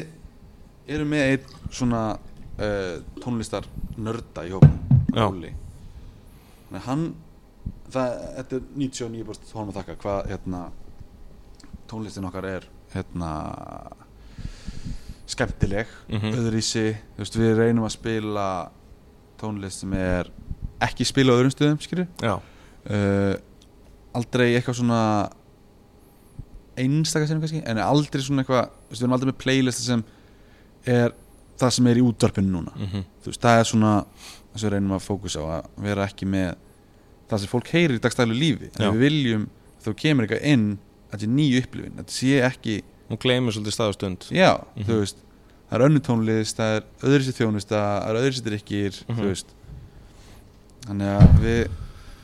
þessi fjögur element er eitthvað svona sem við tönnslust mest á Eh, eiginlega bara þessi þrjú, sko, þú veist Mhm. mm. gerum góða drikki, Mhm. finnst það gefið Mhm. þannig að ef við getum gert hina þrjá hlutina ógeðslega vel Já. að, hérna, að þá líður mér eins og við séum að gera eitthvað sem hefur ekki verið gert hérna. náður Já. og, og það er bara það sem við kynntum stöldi úti þegar við höfum að ferðast skilur eins og skilur Greiklandi er einn skemmtilegstu bar sem við farið á Já. Jómundur talaði einmitt um það líka. já, eða ekki, Já. við vorum ekki með fokkin borð stóðum bara í miðjum salnum Já. en það var geggja Já. skilur bara tónlistin var geggjuð há, en ekki þannig að ég gæti ekki tala við næsta mann Mhm.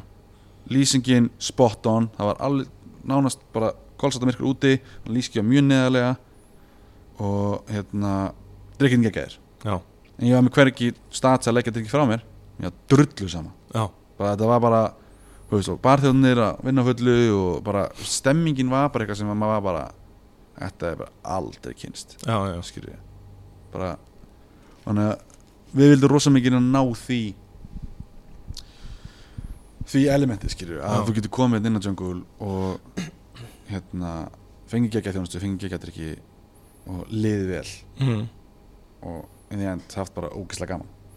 Sko mín upplöfun af, af því þegar ég kem inn að er svolítið svona og ég hef virt marga, marga segja þetta að hérna fólki svona líður einhvern dendla eins og það sé á Íslandi Já, það veit ekkert dendla hvar það er Mhm. en, en það er allavega ekki eins og það sé á Íslandi Mhm. mm. að því margi staðirinna eru svo þeir bara svolítið svona plug and play Já. það þeir rosa margir það er hérna það finnst mér ókvæmlega skemmtilega þeirra það er hérna það er einmitt eitthvað sem þú veist ég veit ekki, kannski ekki möst en þú veist, þú vilt að fólk komi til þín já, til að sækjast í eitthvað skilur já, og þú Æ, ég veit ekki, jú, fullt að fólki kemur að því að það elska þannig að drikk eða þú veist, við viljum alltaf koma og fá þannig að drikk aftur, aftur, aftur, aftur Mm. Já. skilurðu. en við erum endast að beita seðlunum, þannig að það er svo derfið já, já, en hérna þú veist, þú færð fólk aftur og aftur og aftur út af þjónustu Já. út af einhverju sem fólk finnur þú veist, einhver líðan já, nákvæmlega það er ekki að þessar franskar eru svo geggjaðar Já. skilur við, jú, jú, fólk fer stundum og fær sér aftur þessar franskar mm en ef hún er að breyta hvernig fólk líður já, hún er að búa til eitthvað eitthva svæði eða stað sem getur verið eitthvað svona djúið lakka mig til að fara þangað inn mm burt sér frá því sem það er að fara að drekka eða, eða borða skilur við, já, að þá ertu búin að búa til eitthvað sérstakt skilur við, já, já að því þú veist þetta er svo mikið svona að komast út úr dagstæglega lífinu, Já. s- svolítið skilur við algjörlega, þú veist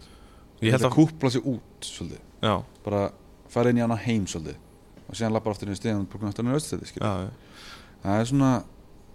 pínu fallegu hlutur skilur þess að hugsa um að, að, hérna, að, að geta búið til eitthvað svona sem, mm ég held líka að fólk sé svona meiri meira átt sér á því að nú er actually hægt að fara á stað sem að þú veist, er svona selgjarastaður í drikkjum mm, skilur við, þar sem hún færð einhverja einhverja upplifun og ég kom nú með eh, einn félag minn sem að hefur Mhm. nú komið í þáttinn, Guðmi Kíró já virkilega skemmtilegt okkur já, og m- rosa svona bæði náttúrulega matgæðingur Mhm. og, og bæði í víni og drikkjum svona og- perrið að kemur að segja alveg gjörsanlega sko og, og hérna hann svona, ég held að hann hafi fundið svona sitt annað heimili hérna já, það er ótrúlega gaman að sjá hvað hérna hann og konuna sá að vera að posta um okkur eða hérna að því að ég segi þess, þau eru virðast vita eitthvað og hafa greinlega verið að fara á svona staði erlendis Já, nákvæmlega þannig að það er virkilega gaman að- að fá þessi komment frá þeim sko virkilega en hérna förum aðeins yfir hvernig hérna þetta ár hefur verið já, þetta ár er búið að vera mjög skytið já, hm, væga sagt Já, þetta er kannski svona þetta er ekki alveg ideal fyrsta ár í rekstri fyrir bar eða, sko, núna þetta hef ég aldrei reikið bara áður nei, það er enda reytið þannig að ég veit það ekki Nei. Nei, en þetta er náttúrulega úkslega skríti Mhm. og ég er búin að vera að grína svolítið með undanfæra að við erum með meira reynslu að reyka bara í COVID heldur en ekki sko. Já, Sem það er enda alveg sem er mjög skrítið sko. mm Þannig að en þetta er úkslega ég held að þetta sé lán í óláni sko. Já, að þetta er búið að f- svona ekki hvetja okkur, þetta er búið að ít okkur í að þú veist, við við erum aldrei búin að verða comfortable skilur nei, nei þannig að við erum búin að þurfa að vera á tánum að laga og breyta og gera betur Já, bara veikulega skilur já, já, þannig að þú veist hérna við erum þetta opnum í november og erum að þú veist bara koma okkur á stað mm -hmm. þú veist og síðan allt er bara í februari bara herðu stakar ég held ég borga okkur bara laun næsta mánuð hvað er það? já. ok, borgum okkur laun og sér bara paff Mm nýju vikur af COVID já, lockdown fáum ekki að vera opnum í nýju vikur þannig að um leið og vorum komin okkur þennan stað þá var bara skellt til ás já, nýju vikur og við erum þetta bara eins og ykkur draugar hérna í nýju vikur ger ekki raskat nema þú veist hvað smátt er í hvað ég skreittum ekkert veggirna og eitthvað þú já, veist já, já, en hérna séðan okkur nýju vikur búnar og þá er náttúrulega bara þú veist bara eins og ykkur bara ég get ímyndað mér að þegar áfengisbannur bannur var lyfti í bandaríkunum já, já, þú veist bara mánudagur og það er bara þú veist opnum mánudag og það er bara stappað mm -hmm. bara það er ok, við erum vanlega, vorum lo- vanalega að loka á þriðutum það er ekki sens að við sem við loka á þriðutum bara um umvapað morgun líka, við þurfum allar krónur inn já, og vorum að loka þér í nýju vikur bara verðum að gera þriðutum líka síðan byrja að róast aðeins á miðgudeginum og síðan fer þetta bara svolítið svona í eðlert far mm -hmm. og náttúrulega komið, hvað, þá er hvernig átnastu, byrjun júni miðjan júni, já, nei byrjun júni held ég, minnum mig allavega, fer þetta í svona velnett far og, og hérna en samt alltaf með einhverju tveggjametra reglu og eitthvað efindir í já, kom ekki tvekja mynda regla næða setna Já, hún, við erum þetta bar hann að við hún lukkar í nýju vikur, veitingastæðanir mm. að koma þetta eitthvað smá gluggjað sem var frekar eðlilegt bara já, það já, kom eitthvað mánuður eða eitthvað já, sem já, það er rétt það var enga reglu nema bara max Já, 100 manns eða eitthvað já, 150 eða eitthvað, skil ekki máli já, þannig að við erum bara komin með gott partí í gang aftur bara hérna góð helgi og, og lala og og síðan hérna uh, bara svona við að venjast þessu nýja normi mm Mhm. og við erum með alls konar þú veist, byrjum að vera með alls konar svona skemmtileg tilbóð á virkum dögum og þú veist, bara gera eitthvað hluti til þess að reyna að fá inn meira fólk og eitthvað svona og síðan voru við bara komin á ótrúlega góðan stað um daginn alveg ótrúlega góðan stað bara, heru, það er bara svona auka peningur í bankanum við ætlum bara ætlum að kaupa hérna erum að láta sér sem nýja bekki hérna Já, og ég held að líði tvær vikur af ágætum tímum þá kemur bara nýtt nýtt COVID þannig að við erum búin að vera við erum aldrei búin að fá að vera á góðum stað næ, í mjög langa tíma þannig að ég held að þetta sé pínu holt fyrir okkur mhm, af því að þú veist, þetta fór svo hratt á stað og þú veist, náðum flugi mjög snemma þú veist, svo fyrsta kvöldi okkar þú veist, við varum búin að vera mjög duglir á Instagram að sína frá mhm Framkvæmdum og- framkvæmdanum og svona og bara svona, þú veist, við erum bara ykkur fimm lúðar að opna bar, skilju, en til að tjekka á þessu eitthvað. Já, já, já, já, og síðan erum við bara eitthvað hérna, komið með grænt frá öllum, Já. að við megum opna en helviti skýrtin er ekki komið í hús já, en ég er bara, við verðum að fara að fá okkur krónu inn, sko opnum, bara í kvöld Já. við vorum ekki konum með skýrtin í húsand bara sjáum hvað gerist Já. þannig að Kobbi bara, herru, setja bara í stóri og einstakam, herru, við ætlum að opna eftir um, uh, hérna, við erum að gera græja, bara tjekkja okkur í kvöld og við opnum hálf tíu og kortir yfir tíu er komin bara massífur við fyrir utan já, fyrsta kvöldu okkar og við veitum ekkert hvað við erum að gera sko.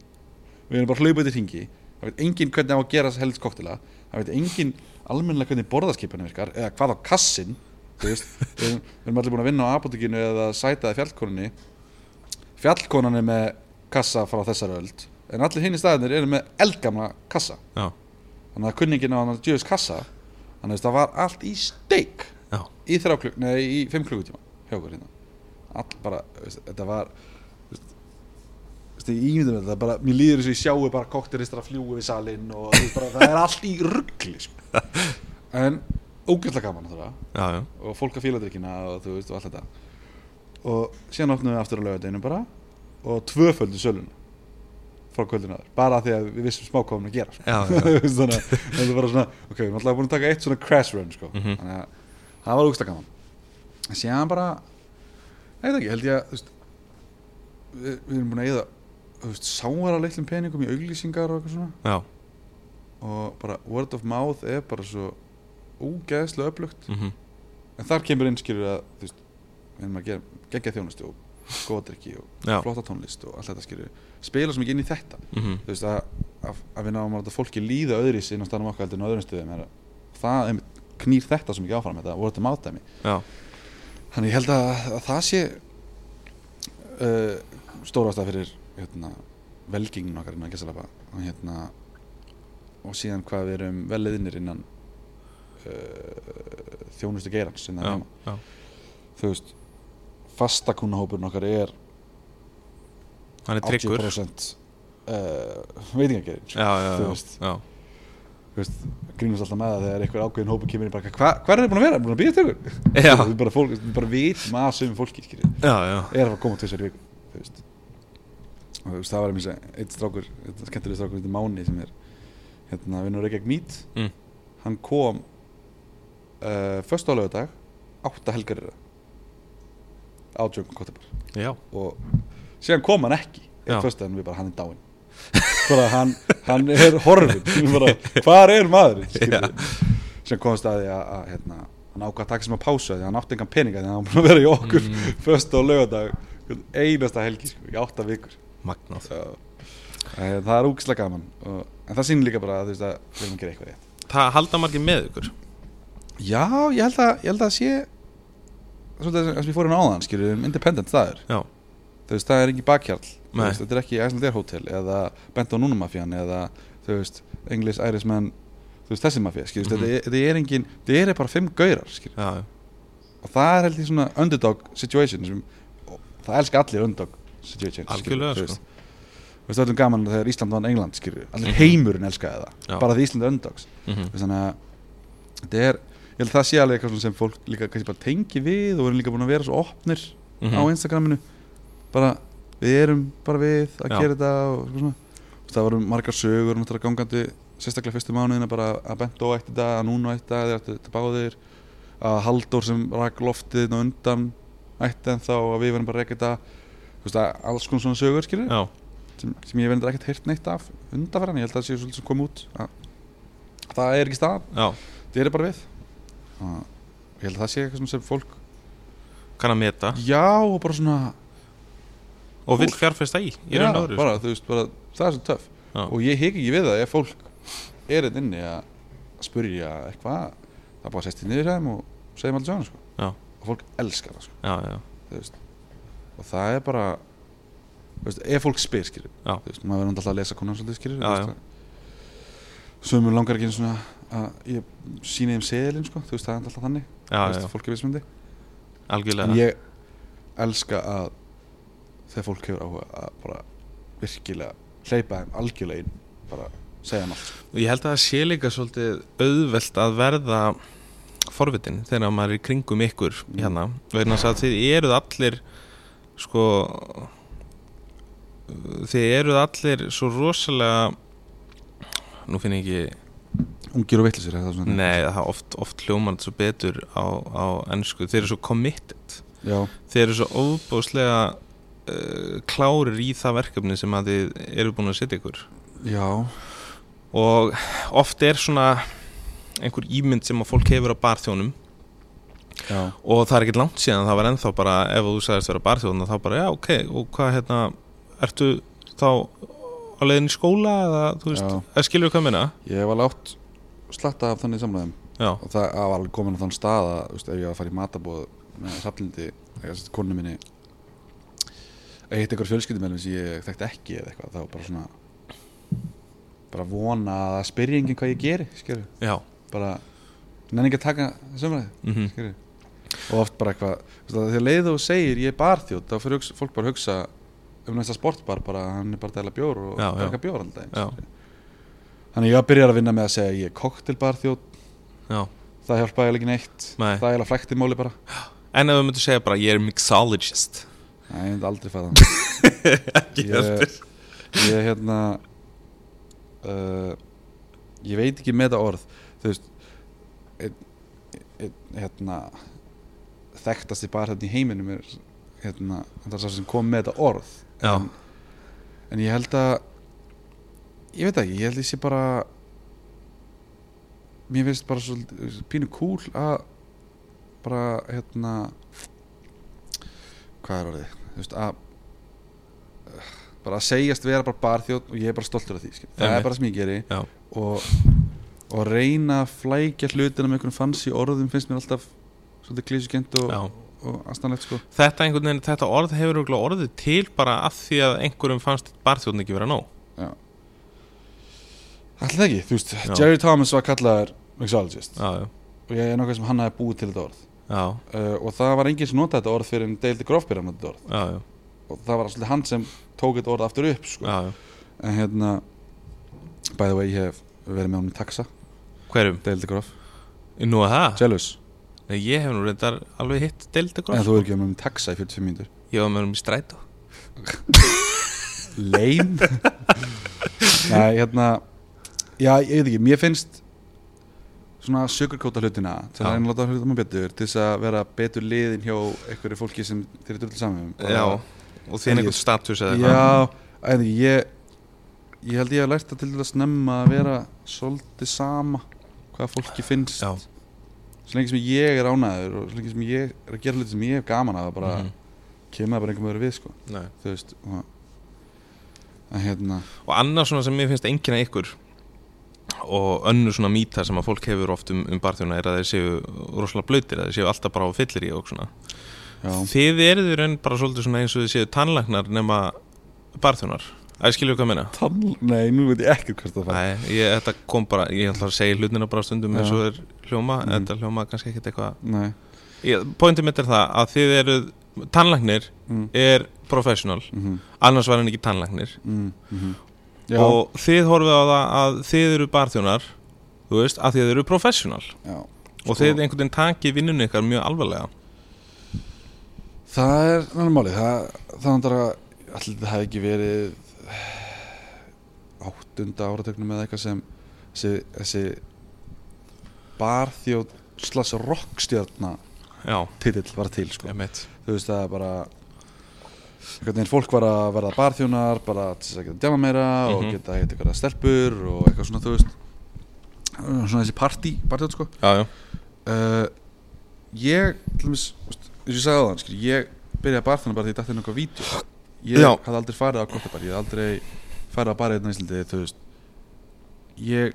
fór inn í henn að geira á allt unni fórsetum heldur en kannski margir aðrir já, já. en hérna ég komst að ég fyrir eitthvað snemma að uh, þú nærðið ekkert langt ef þú ert alltaf fullur Nei, eða alltaf þunnur skilur mm -hmm. og höfum en að sumir komast upp með það en það er bara held ég ógæslega fáir sem geta það skilur já, ég held að gera það heldur ekki til lengdar sko. Nei, það er svona þú veist átti ég með því bara held ég til þess að snemma að bara ef ég ætla þú veist, ég hætti skóla til þess að vera bara þjóð mm -hmm. ef ég ætla að láta það verða að einhverjum löngum ferli þá verði að hugsa um þessa hluti skilur Já, Jú, veist, ef ég er í fríi, sérstaklega þegar ég var 20, 21, 22 ég elska að fara út á lífið já elska og gera það alla miðvikudag á mánda mm -hmm. að því ég vann fyrst á löta Já, og svolítið búið með þann pakka í dag sko. já, Þú veistu, ég fer alveg út en það er meira kannski bara í 3-4 drikki og síðan bara heim sko. mm -hmm. síðan slýsa, slýsast maður í eitthvað svona rugglur svo, það var ásatíðin okkur en daginn sko. það var ekki alveg nokkuð ég meina menn megi alveg fá sér já, já, já, þú veist og bara endilega sko, Mhm. þú veist, en það sem maður tala um er að gera það í vinnunni og Já. svona er, er hérna er, er ekki, þú myndir aldrei sjá þú veist, Tannlæknir, tannlæknir fullan í vinnunni skilurðu? nákvæmlega eða það er kannski eftir að hann er að vinna með alls konar lif og, og, og beitta hluti sko. en hérna en við- ég kannski er það bara þú veist hvað, ég er víraður eða hvað það er, þú veist, ég verð allt of æstur og peppaður bara á smá sigri sko Já, og missi fókus og svona ef ég finna á mér í vinnunni þá er ég þá er ég bara órólegur og bara óþægilegt sko. Já, já. Þú veist, þannig ég, ég bara funkar ekki, funkar ekki þú veist, að fara að gera eitthvað mikilvæga hluti nei, nei, í glasi sko. nei þú veist, ef það er einhverjir kunnar sem vilja kaupa skot og eitthvað svona þá ger ég það einu sinni þú veist, ég myndi aldrei taka 2, 3, 4, 5 skot á vakt sko. mm þetta er aðalega, þú veist, þegar þetta er aðalega útlendingar Já, eða aðri barþjónar sem gerir þetta og þá er það meira svona bara respect dæmi sko, þú Mhm. veist ég var skála og þetta dót skýrur mm -hmm. það er ekki að því ég bara, "Ah, ég verð að finna á mér til nei, þess að lifa vaktina skýrur nei, nei að leiða út komin á þann stað þá er það komin mjög, mjög Hálfa ný sko já, það er bara eitthvað sem maður fyrir auðvitað líka bara hvað það er dýrt sko, Já, nákvæmlega að þú veist, sérstaklega ef þú veist að vinna bara vakt skýrur, fyrir borga eftir vaktinni skýrur og Já. er að, er að hvað, drekka á meðan mm -hmm. og ef þú ert ekki að skrifa á þig þú veist, þá ertu bara að stela skil. Já, eða þú veist það er svona einhvern veginn kannski móralkompassin minn bara að svo f- miklu jafnvægi eða hvað nei, nei, en þetta er samt alveg rétt hjá þér sko Það er sem, að, sem átt að segja Hérna við væga sagt, búið að vera mjög áhugavert ár en hvernig hérna horfir þetta við þér uh, svona framhaldið uh, og, Með Jökul? Já, mm, núna er það bara svolítið að þrauka mm þú veist lifa af þessa kórunaveru já, og síðan er bara að ég veit það ekki bara bjartir tímar sko ég eftir fyrstu þrjá mánuðina mm. af fyrsta árun okkar var byrjaði ég að sofa rosa vel já það, þú veist, fyrstu mánuðinu var alveg þú veist, fyrstu, fyrstu einn og hálf mánuðurinn þú veist, voru átjón tíma með dagar mm þú veist, maður vaknaði kl. 9-10 og kom hingað og maður fór heim 3-4-5 já, hérna, og síðan bara í pít sko alltaf en hérna alltaf ég á jómni, hinn er stákvæðin voru aðeins aðeins minna já, en hérna uh, en núna einhvern veginn eh, er maður orðin róleri maður er komin aðeins betur stað maður er ekki að stressa sig að þú veist og mikið á að krónuna þurfa að koma inn og mm Mhm. allt þetta skýrir en auðvitað núna er náttúrulega COVID og þú veist, krónuna verða að koma inn já, já skýrir til þess að geta lifað það af en ég held að við séum bara á það góðum stað því að við erum bara við já, það er ekki starfsmenn sem við þurfum að segja upp eða þú veist, eru á okkur föstu launum þú veist, ég skoða bankarækningi bara 2005 og bara hvað eigum ekki til, hvað get ég borgað okkur skilur. já og það er ótrúlega góðu staður til að vera á mm -hmm. að hérna, þannig að þegar að koma slæði mánuðir þá getum við bara adjustað við það sko já, og ég held að það sé svolítið það sem kom okkur í gegnum nýju viku kóiði sko Þú veist, við bara vorum ekkert að drífa okkur að koma okkur á okkur stjörnu laun og mm þannig að það voru bara til peningar og liðum það af skilju já, og bara þú veist, og núna þegar kom núna tíu dagar lockdown þá fekk maður þetta alltaf strax í magan sko, þú veist, já, hvað þetta var aftur nýju vikur og allt þetta skýrur en ég var ekkert neina aldrei nervus um að að við færum á hausinn sko, nei, bara því að ég vissi hverju stæðum og við vorum miklu betri staðaldur en þegar hérna nýju vikurnar eða þegar nýju vikur lockdown kom og, já, en, en þú veist, það er samt bara eitthvað sem er ekkert gaman að tala um þetta er bara svona tölur og fjármál en hérna, ég sé fram að bara góða tíma þú veist, það eru fullt af hlutum sem okkur langar að gera mm okkur langar að, þú veist, eins og segja við erum að smökka þetta skilur, við erum að alltaf að bæta staðinn bara, Mhm. eins og peningandi kom inn eins og segja við erum ekki að dríja okkur að boka okkur stjórnu laun og við erum ekki að býjast eitthvað margriðslum eða eitthvað svona sko, þú veist, það Nei. er bara ef það eru auka peningar í bankarinu, það er bara einmitt við erum að kaupa nýja bekki og við erum alltaf að kaupa annað bekki en það hinum einn salinn og já, og þú veist kannski skipta út borðum eða okkur langar í nýja barstóla þegar það má vera um barstóla aftur þú veist, við erum bara veit ekki, takk þetta rólega og bara mm Mhm. -hmm. einmitt, takk þetta rólega að gera staðin betri sko. já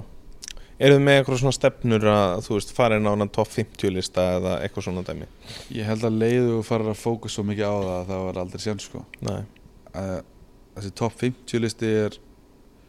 til að byrja með sko, þá er held ég svona 10-15 ár þangur til að Ísland mun nokkurn með kostin á lista já, það er bara þegar við búum á Íslandi já, það er hvernig þessi listi setur upp mm -hmm. þú veist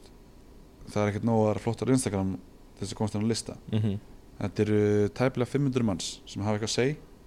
um hverju færi hann á lista Mhm. og til þess að komast bara í, í aðkvæðagreislu þurfa einhverja af þessum 500 manns að koma actually á staðin já, já, og það innan við senustu 12 mánuði já, eða 18 mánuði þannig að þú veist, þetta fólk er ekkert að kominga nei, það er ekkert fyrir þetta að sjá þannig að það er ekki fyrir en að borgin er kannski komið með 3, 4, 5 staði sem hafa eitthvað efni til þess að þau kominga skilur. já, já, sér bara eins og þegar Volklass var haldið í Mexiko það fór fullt af stórum nöfnum til Mexiko og ára eftir þeir mexikanski staði komin inn á listan já, já, Þú veist, fólki þarf að fara á það er ekki fyrir en að, að það eitthvað major mm event sé á Íslandi eða eitthvað sem dregur fólk til Íslands eða þá einmitt að séu margir staðir já, eins og sér bara New York skýrir, það er alltaf nokkri staðir frá New York inn á þessu lista já, já, en það er bara mikið sem fólki býr í New York sem er, Einmitt. hefur eitthvað að segja þannig að það hefur aldrei verið eitthvað gól, það Nei. er ekki stefna að komast inn á lista, svo, svo, það er bara ór raunhæft sko. og svo er líka bara kannski spurningum bara auðvitað er þú veist ekkert verra fyrir bara að vera inn á þessum lista en maður svona kannski kvestjónar eða svona spyra aðeins út í hennar lista ef þetta er svona mikil pólitík eins og þú segir að Mm. þú veist vörglaskeppnir haldin í Mexiko og þá allt í einu mm -hmm. þú veist er, hvernig finnst þér þessi heimur vera bara, þú veist, þessi áfengi sterkvins heimur, þú veist, er þetta ekki svolítið mikið pólitík og, og alls konar svona, ég held að sama hvaða geiri það er já, þegar að koma á toppin í ykkur geirum þá er alltaf pólitík, mm mm. kennst ekki hjá því sama hvað það er já, Þú veist, það er einhverjar stjórnir, það er einhverjar listar það er einhverjar komitís, skilur, það er endalist og það snýst alltaf bara um einmitt, hver á mestu peningana og mm þannig að hver hefur stærsta segið, skilur, Já, já. eins og með félög skilur, hver á fyrstu hlutabriðun, hann er stærsta vægið, skilur, þetta er, þetta er alltaf þannig og það er bara þannig sem heimurinn virkar mhm, uh, að fara að pyrra sig eitthvað út í það eða ergja sig eitthvað yfir eitthvað svona hlutum eh, tilgangsöst mm Mhm. -hmm. þetta er bara eins og það er og ég held að það sé bara eitthvað sem maður, maður bara liði með og þú veist og ef maður kennst nákvæmlega lista bara gett skilju já, já, bara publicity, yay en þú veist að fara að ergja sig við að maður sé ekki nákvæmlega lista eða eitthvað er alltaf held ég bara já, tilgangsöst og, og einmitt eins og þú segir að, að vera eitthvað stöðugt að, að pæla eitthvað í því Mhm, mhm. gerir og lengum gott sko Nei, ég, hérna auðvitað verður maður kannski sár eða bara, ei, við hefum átt að vera hana en mm. mm. hvað, hvað það var skil sér, já, já. þú veist en ég held að, en eins og ég sagði með top 50 listan skil, það er bara óraun eftir að ætla þess að einhver íslensku bar komast inn á lista fyrir en eftir x mörg ár þegar að Reykjavík hefur meira upp á bjóða, sko, Mhm. sem dregur þá meira fólk já, að vísu til þá erum við mjög heppið með það að við erum á milli Európa og Ameríku þannig að það er millilandaflög og allt það þannig að það er kannski alltaf séns með Já. þetta inni. en þú sér, þú veist, Kanada er ekki með eitt, list, eitt bar á listan nei, þetta fer enginn þangað. já, já. fullt af flottu barðunum veist, í Kanada, fullt af Mhm. flottu börum en það er bara, Kanada er ekki leiðin eitt eða neitt Mm þannig að þú veist, það er enginn að stoppa þar það er engin major conventions eða þú veist, einhver events sem eru þar árlega þannig að þau bara eiga ekki séns Mhm. nei, þú veist þannig að það er bara eins og það er sko já þannig að já, svona listar geggja að komast inn á síru, en Mhm. ekki þú veist, það er ekki eins og top 100 listanum mínum af hlutum sem við erum að gera skilur. Mhm. þannig að Ef við förum aðeins í svona uh, svona barsinn og hérna á Íslandi og Mhm. förum aðeins í bara kannski eh, svona sem að verður kannski svolítið fyrir barðinu uh, núna sérstaklega í Mhm. COVID uh, svona uh, og þá kannski aðlega í sterkvíni mm -hmm. hvernig finnst þið við vera uh, í bara sterkvinsframleyslu og þess að þar á Íslandi sko ef ég er alveg hinskilin Mm. þá hef ég ekki verið nógu duglegur kannski að kynna mér uh, það nýjasta mm Mhm. -hmm. en það sem ég hef smakkað er ég hrygg lánað með mm. mestmengni sko. það eru flottir spýrar og það eru flottir líkjörður til hérna um, ég held að sé bara ógeðslega erfitt að vera í þessu rekstrarumhverfi Mm -hmm. alveg ógeðslega sko og sérstaklega núna eins og góð vinnum minn hann Snorri sem er eitthvað reykjagt stilir í þú veist 50% sölunars var í fríöfninni já og það er bara púff horfið mm -hmm. þannig að ég já ég er mjög, ég er mjög mikla áhyggjur Mhm. af þessum gera núna sko en ég held að snorri er snorri mun alltaf komast gegnum það vona ég innilega sko Mhm. en ég held að við séum að gera flotta hluti við erum að gera góð hluti, það er náttúrulega alltaf einhverjir svarti söðir inn á milli Þú veist, ég alveg, ég alveg þúal ekki svona svona við erum frá Íslandi rung nei þú veist, pure Icelandic water mm -hmm. eitthvað þú veist jú, jú, við erum geggja vatn Mm og það gerir vöruna þetta vil ölliti betri Já. en þegar varan eða þú veist, þegar marketingið er nummer 1, 2 og 3 og síðan er pakningin nummer 4, 5 og 6 mm. -hmm. síðan er innihald eitthvað nummer 13 og 14 sko. Já, Þú veist, ég hata það já, og alveg ég, ég leiði fólk alveg að heyra það sko. já en hérna þetta er kannski ekki að gera það í official eitthvað podcasti sko en, en hérna uh,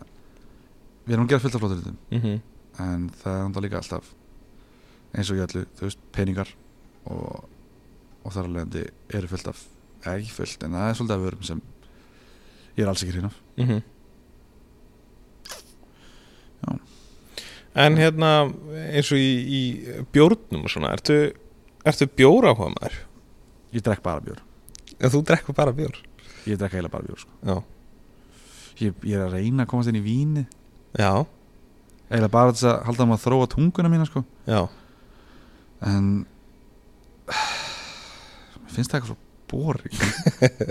ég reynda sko þegar við opnum þegar við vorum að opna hérna þá fór ég til eh, Arnars sem er með hérna Santei já Burgundivinin og, og kampæni og þar við jómmiðurum báður svona þú veist, ég, ég drekk vín með mat Mm. ef það er í búið skilju Já. en ég fer ekki að kaupa með vín fyrir, þú veist, ég fer alveg sest niður og fæ mér vinglas mhm, ég reyna það núna, ég er að reyna að vinna í það en við finnst báðir bara svona vín er bara vín Já, skilurðu? en við förum þannig til hans og smökkum eitthvað smá vín og við smökkum báðir sopa af þessu víni og horfum sér bara gott annan og varum bara what the hell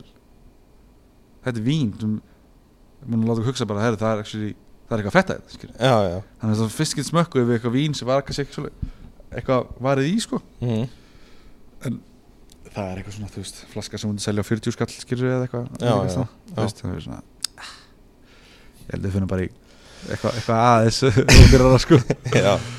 uh, en já, bjór mm, ég elska bjór, ég drekka eiginlega bara bjór ég, hérna var rosa mikið inn í að smakka alltaf nýjustu kraftbjóruna og þetta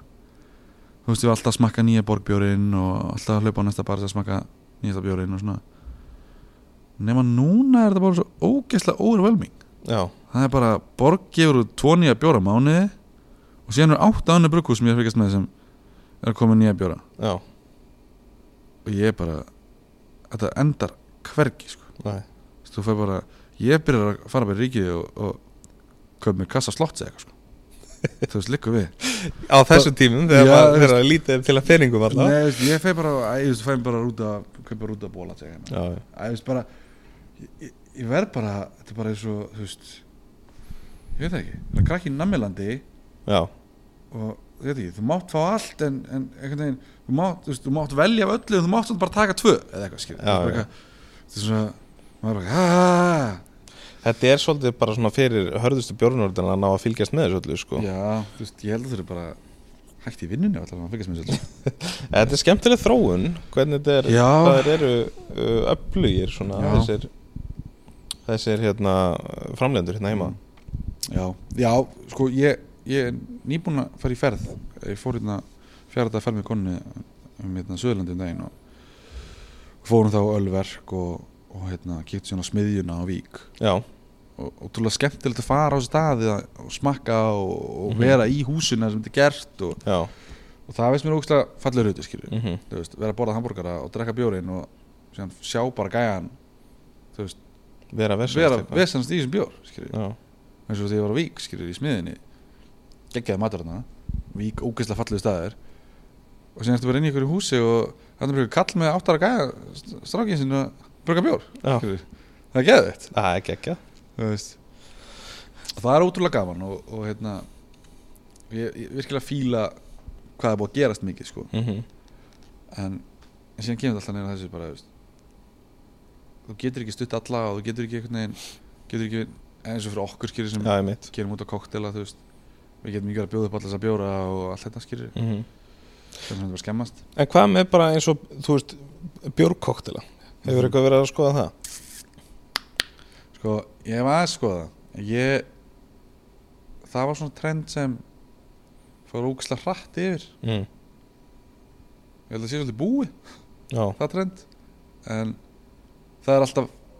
hérna þú veist, efni í nýja drikki með nýjum bjórum, skilur Já, klálega já. og, það, og þetta er klálega eitthvað sem þetta er að minna meira með, sko þetta er svona stöðut Þetta að er bara- poppa upp einhvern veginn einn Já, og einn sko. einmitt Það er ekki þannig Síðan- að þetta hafi tekið yfir bara og allir fór Nei, allt í einu að gera einmitt. björgkoktela Nei. en eins og Ási hérna á Mikropolis Já, hann er að vinna mjög mikið með þetta núna er í mjög nánu sambandi einmitt við bjórverksmiðunar að úti já, en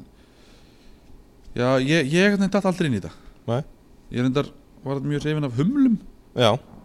þú veist, mér varst það áhugavert já að þá þurfti ég ekki að nota allan bjórin mm mm. -hmm. gætt bara náð í Beiskunum þar já, og, og, þú veist, og humlar eru þú veist le- trublandi beskir sko mm en það er samt svo mikið bragð að þú kemst yfir beskina skilur Já, og eins og ég gerði það skilur þá bara, bara cold infuse ég humlana í, í, í sírópi í 20, 24 tíma já Þú ert náttúrulega svo mikil fyrktari, Jónas að nú nú erum búin að rífa hérna einhverja snúr út Æ, æ, æ Halló, eitt, tveir Já, þetta er flott, þetta er flott Ég er þetta ánar að sjá að mikrofónstatið mitt fór ekki í gólfið, þú er búin að leggja það frá þér já, já, ég var eitthvað að leika með þann Þannig að Já, og náttúrulega humlana, það Já. er mjög skemmtilegt og áhverð Það er síðan, þú veist Það eru til eitthvað þúsundir gerðir af humlum Já, sem er allir með sína eigin bræðiringa sem er alveg, þetta er mjög vannýtt ráfum í kostleikinn, sko já, En já, ég fór aldrei inn í þessa bjór koktela, maður hérna trend En ef við færum okkur þá yfir í hitt sem er vín mm Þú veist, ég hefur einhvern veginn að vera að nota Ég meina nú er til dæmis sherry fann svona sinn uh, Það var svona endur uppgötun af sherry Mhm, í koktelum til mhm, dæmis hefur eitthvað verið að, að, að skoða það Mhm. ekki nóg mikið sko Nei. Æ, það er svo lýrætt úrvala serið nættilega já ég er búin að vera að reyna að finna mér eitthvað gott sko mm. uh, ég er búinn að taka eftir að tveimum byrgjum er þú veist, eitthvað seri og vara hættir já, einmitt, já bara þannig svona pínum vombrið með það Mhm. að ég, þú veist, að ég fylgist rosa mikið með kóttelsenninni í þessum stærri borgum sko. Einmitt. og, og það er mjög, mjög mikið verið að seri og mm Mhm. -hmm. þannig ég er búinn að lesa mér svolítið til um seri já og veit smá um seri mm -hmm. en ég hef ekki smakkað náðum í gæði Nei. af því það er bara lítið til að því hérna. Mhm. en uh, það er klálega eitthvað sem, sem eh, var nýtt líka já en er, að, er kannski að fá smá pall núna mm en annars vín sko þá er vermúð alltaf kongurinn sko já þú veist alveg klálega sko og það er einmitt eitthvað svona sem held ég að sé líka svolítið vanýtt Mhm. það er alltaf bara það er alltaf til vermúðflaska en það er bara því að fólk banta negróni sem hann hatt hann sko Já Er fólk að panta mikið þessa spirit to spirit ekki? Þú veist, Negroni Manhattan er hann, þú veist Mm. er, er að aukast eitthvað í, í Mm. þessari kategóri sko Eða erum við öll bara í þessum sáurdrykki endalaust eða? uh, það fyrir þetta svolítið eftir hvernig spyr sko og, og, og hvað fólk fílar og allt það Mm. við erum með uh, eitt par fastakunapar hérna á, á Jungle sem kemur alltaf á þessi mann Já, en þau eru bæði á áttaræðisaldri hvað er þetta að segja? -hmm. Þau koma hérna annars leið kannski tvekja mannafrestið eitthvað mannafrestið kannski fá sér alltaf tvo mannatan á haus og takk fyrir og Það er geðvikt ég el elska það sko uh, en mannhattan er ég dyrka mannhattan sko Mhm. og ég, ég panta mér alveg mannhattan annars leið mm en hann er sann kannski svona aftastur Já, af þessum ef við horfum á þess að þrjá sko já svolítið svona þessi þrýr stílar af hræðundrykkjum svona mannhattan fílingurinn Mhm. Negroni fílingurinn, Old Fashioned fílingurinn síðan er Martini svolítið svona flokkast hann svolítið undir Mar- Manhattan, þú veist, þeir í saman flokki, kannski, Mhm. mm -hmm. spýri og vermúð og engin bitter eða, eða, eða segur en Martini er samt svolítið eitt á báti svolítið, svona, þú veist, það er iconic og, og Já, svona, já. þú veist Er fólk að panta sér eh, Martini en allir með mm, það kemur fyrir, sko Já, það, eftir að túristinni fóru mm þá er búið minkar rosa mikið að því, sko Já. Martini og Manhattans uh, og Old Fashions þú veist, það er rosa mikið menningi Ameríkun áttar þessi drikkir já, Ég elska alltaf þessa drikki Ég drekk rosa mikið martínis Það er svolítið svona my go-to cocktail mm uh, En Ég veit það ekki Íslendingurinn er bara ekki komin á hann stað að áttast eða, þú veist, að, að fíla þetta Nei, Þú veist, því að Við erum alltaf svo eftir á eins og í svo mörgu að, hérna,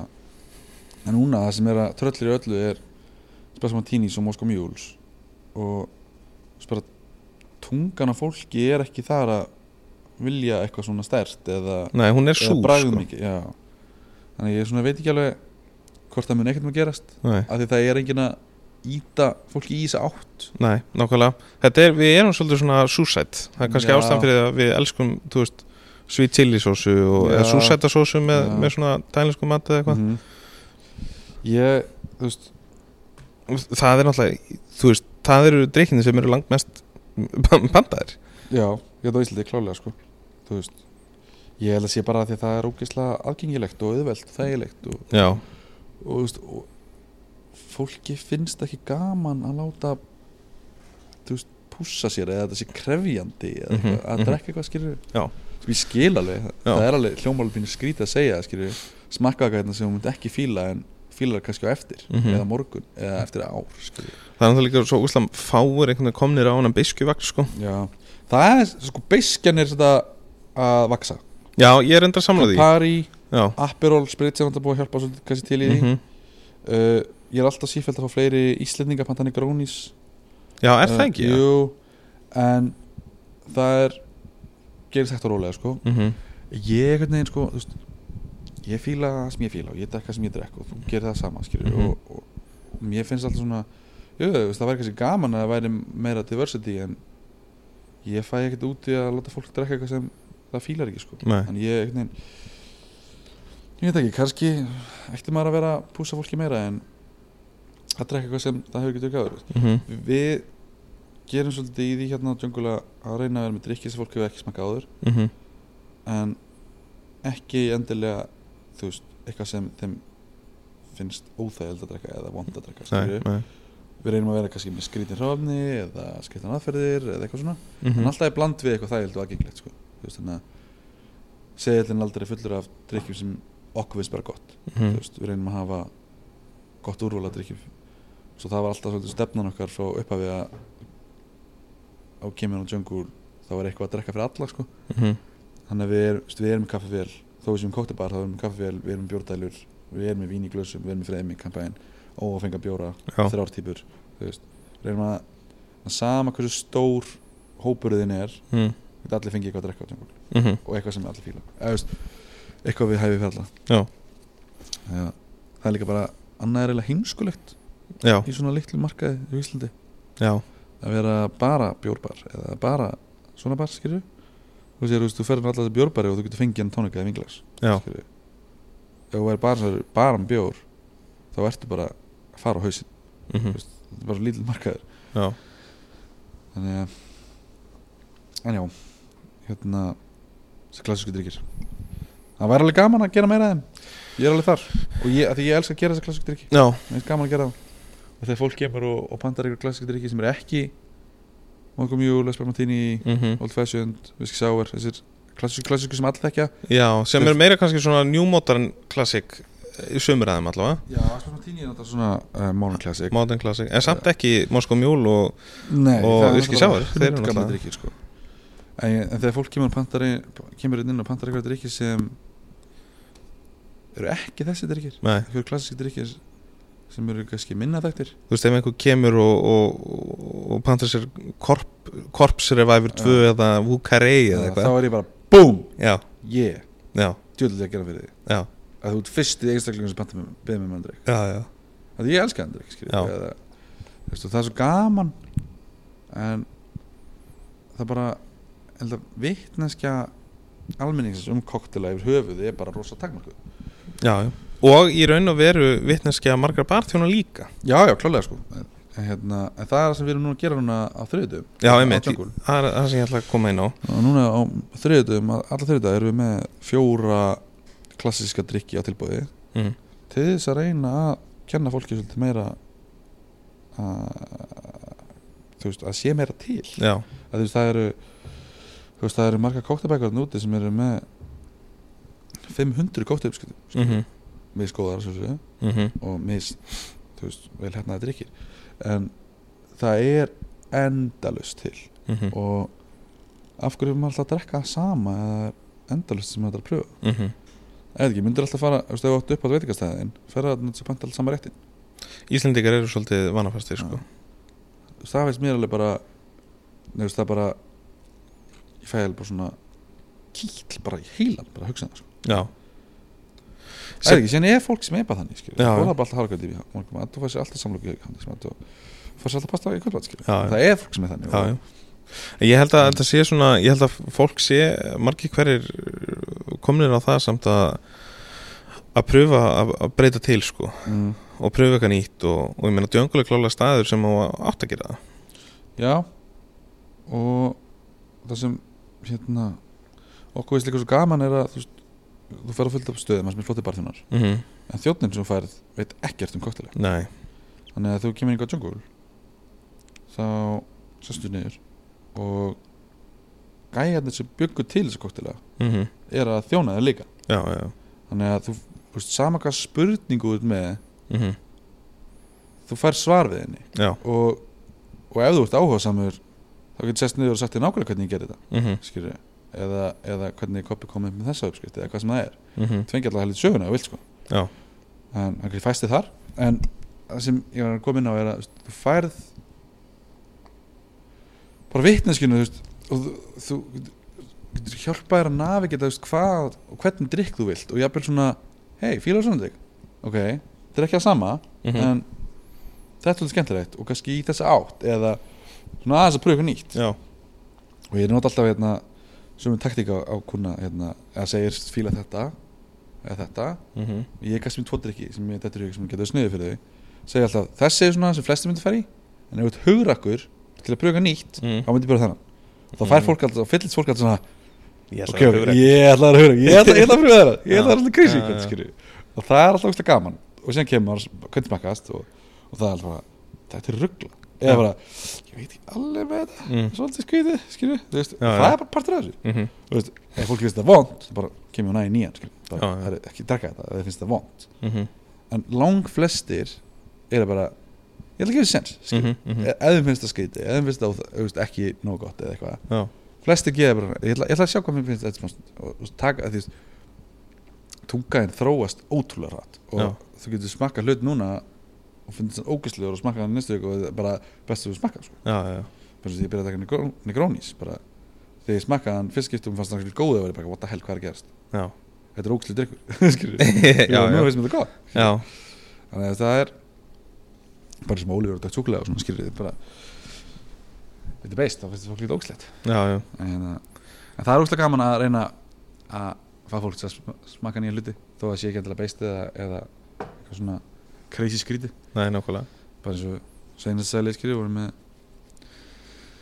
hvað voru með skrítið þar rauðrófur og kaffibönadrykk eða mitt, skríti Sko, en þegar öll þessi ráfnir koma saman þú veist þú vart ekki bara mm, rauðrófur bara mm, kaffibönum bara það gerir eitthvað nýtt skríti Já. það er eitthvað bara sem við ekki smakka áður mm -hmm. og það er svona sem okkur er skaman að gera skríti já, eitthvað svona setja saman einhver hráðin sem fólk hugsa bara þetta á ekki að virka Nei. eða þú veist, heilin að mér er að segja bara nei, þetta er vond þú veist, Já, að já. blaði já en síðan færið þetta og smakkar þetta og bara pínur bara, what the hell, mm þetta er geðið ég ætla vann já, og það er svo rewarding eitthvað nákvæmlega Eh, Sko, eh, við getum í raun að haft hennar þátt uh, tölvert leng lengri, sko mhm. en ég held að við þurfum að við sko erum búin að lengi það þetta er, þetta er tvekja tíma þáttur sko en veistu það mér finnst samt eins og við eigum fullt eftir Mhm. ég er að pæli í hvort að við eigum að taka vin okkar í bartender at large Mhm. til fyrirmyndar Mhm. og gera bónus þátt bónus já þetta er þáttu nummer 50 og, Mhm. já, já. og mér er svona lengi langað að tala við þig um alls konar hluti Mhm, mhm. ef við ekki að henda í eitt bónus þátt Ég, til hvað sem er það ekki? Jú. fæ Eh. ég ekki að fara í hristar Jú, og þá tökum E, við hristar á þar Ef við ekki gera það? Eh, ég, ég, ég, bara- ég er búin að býja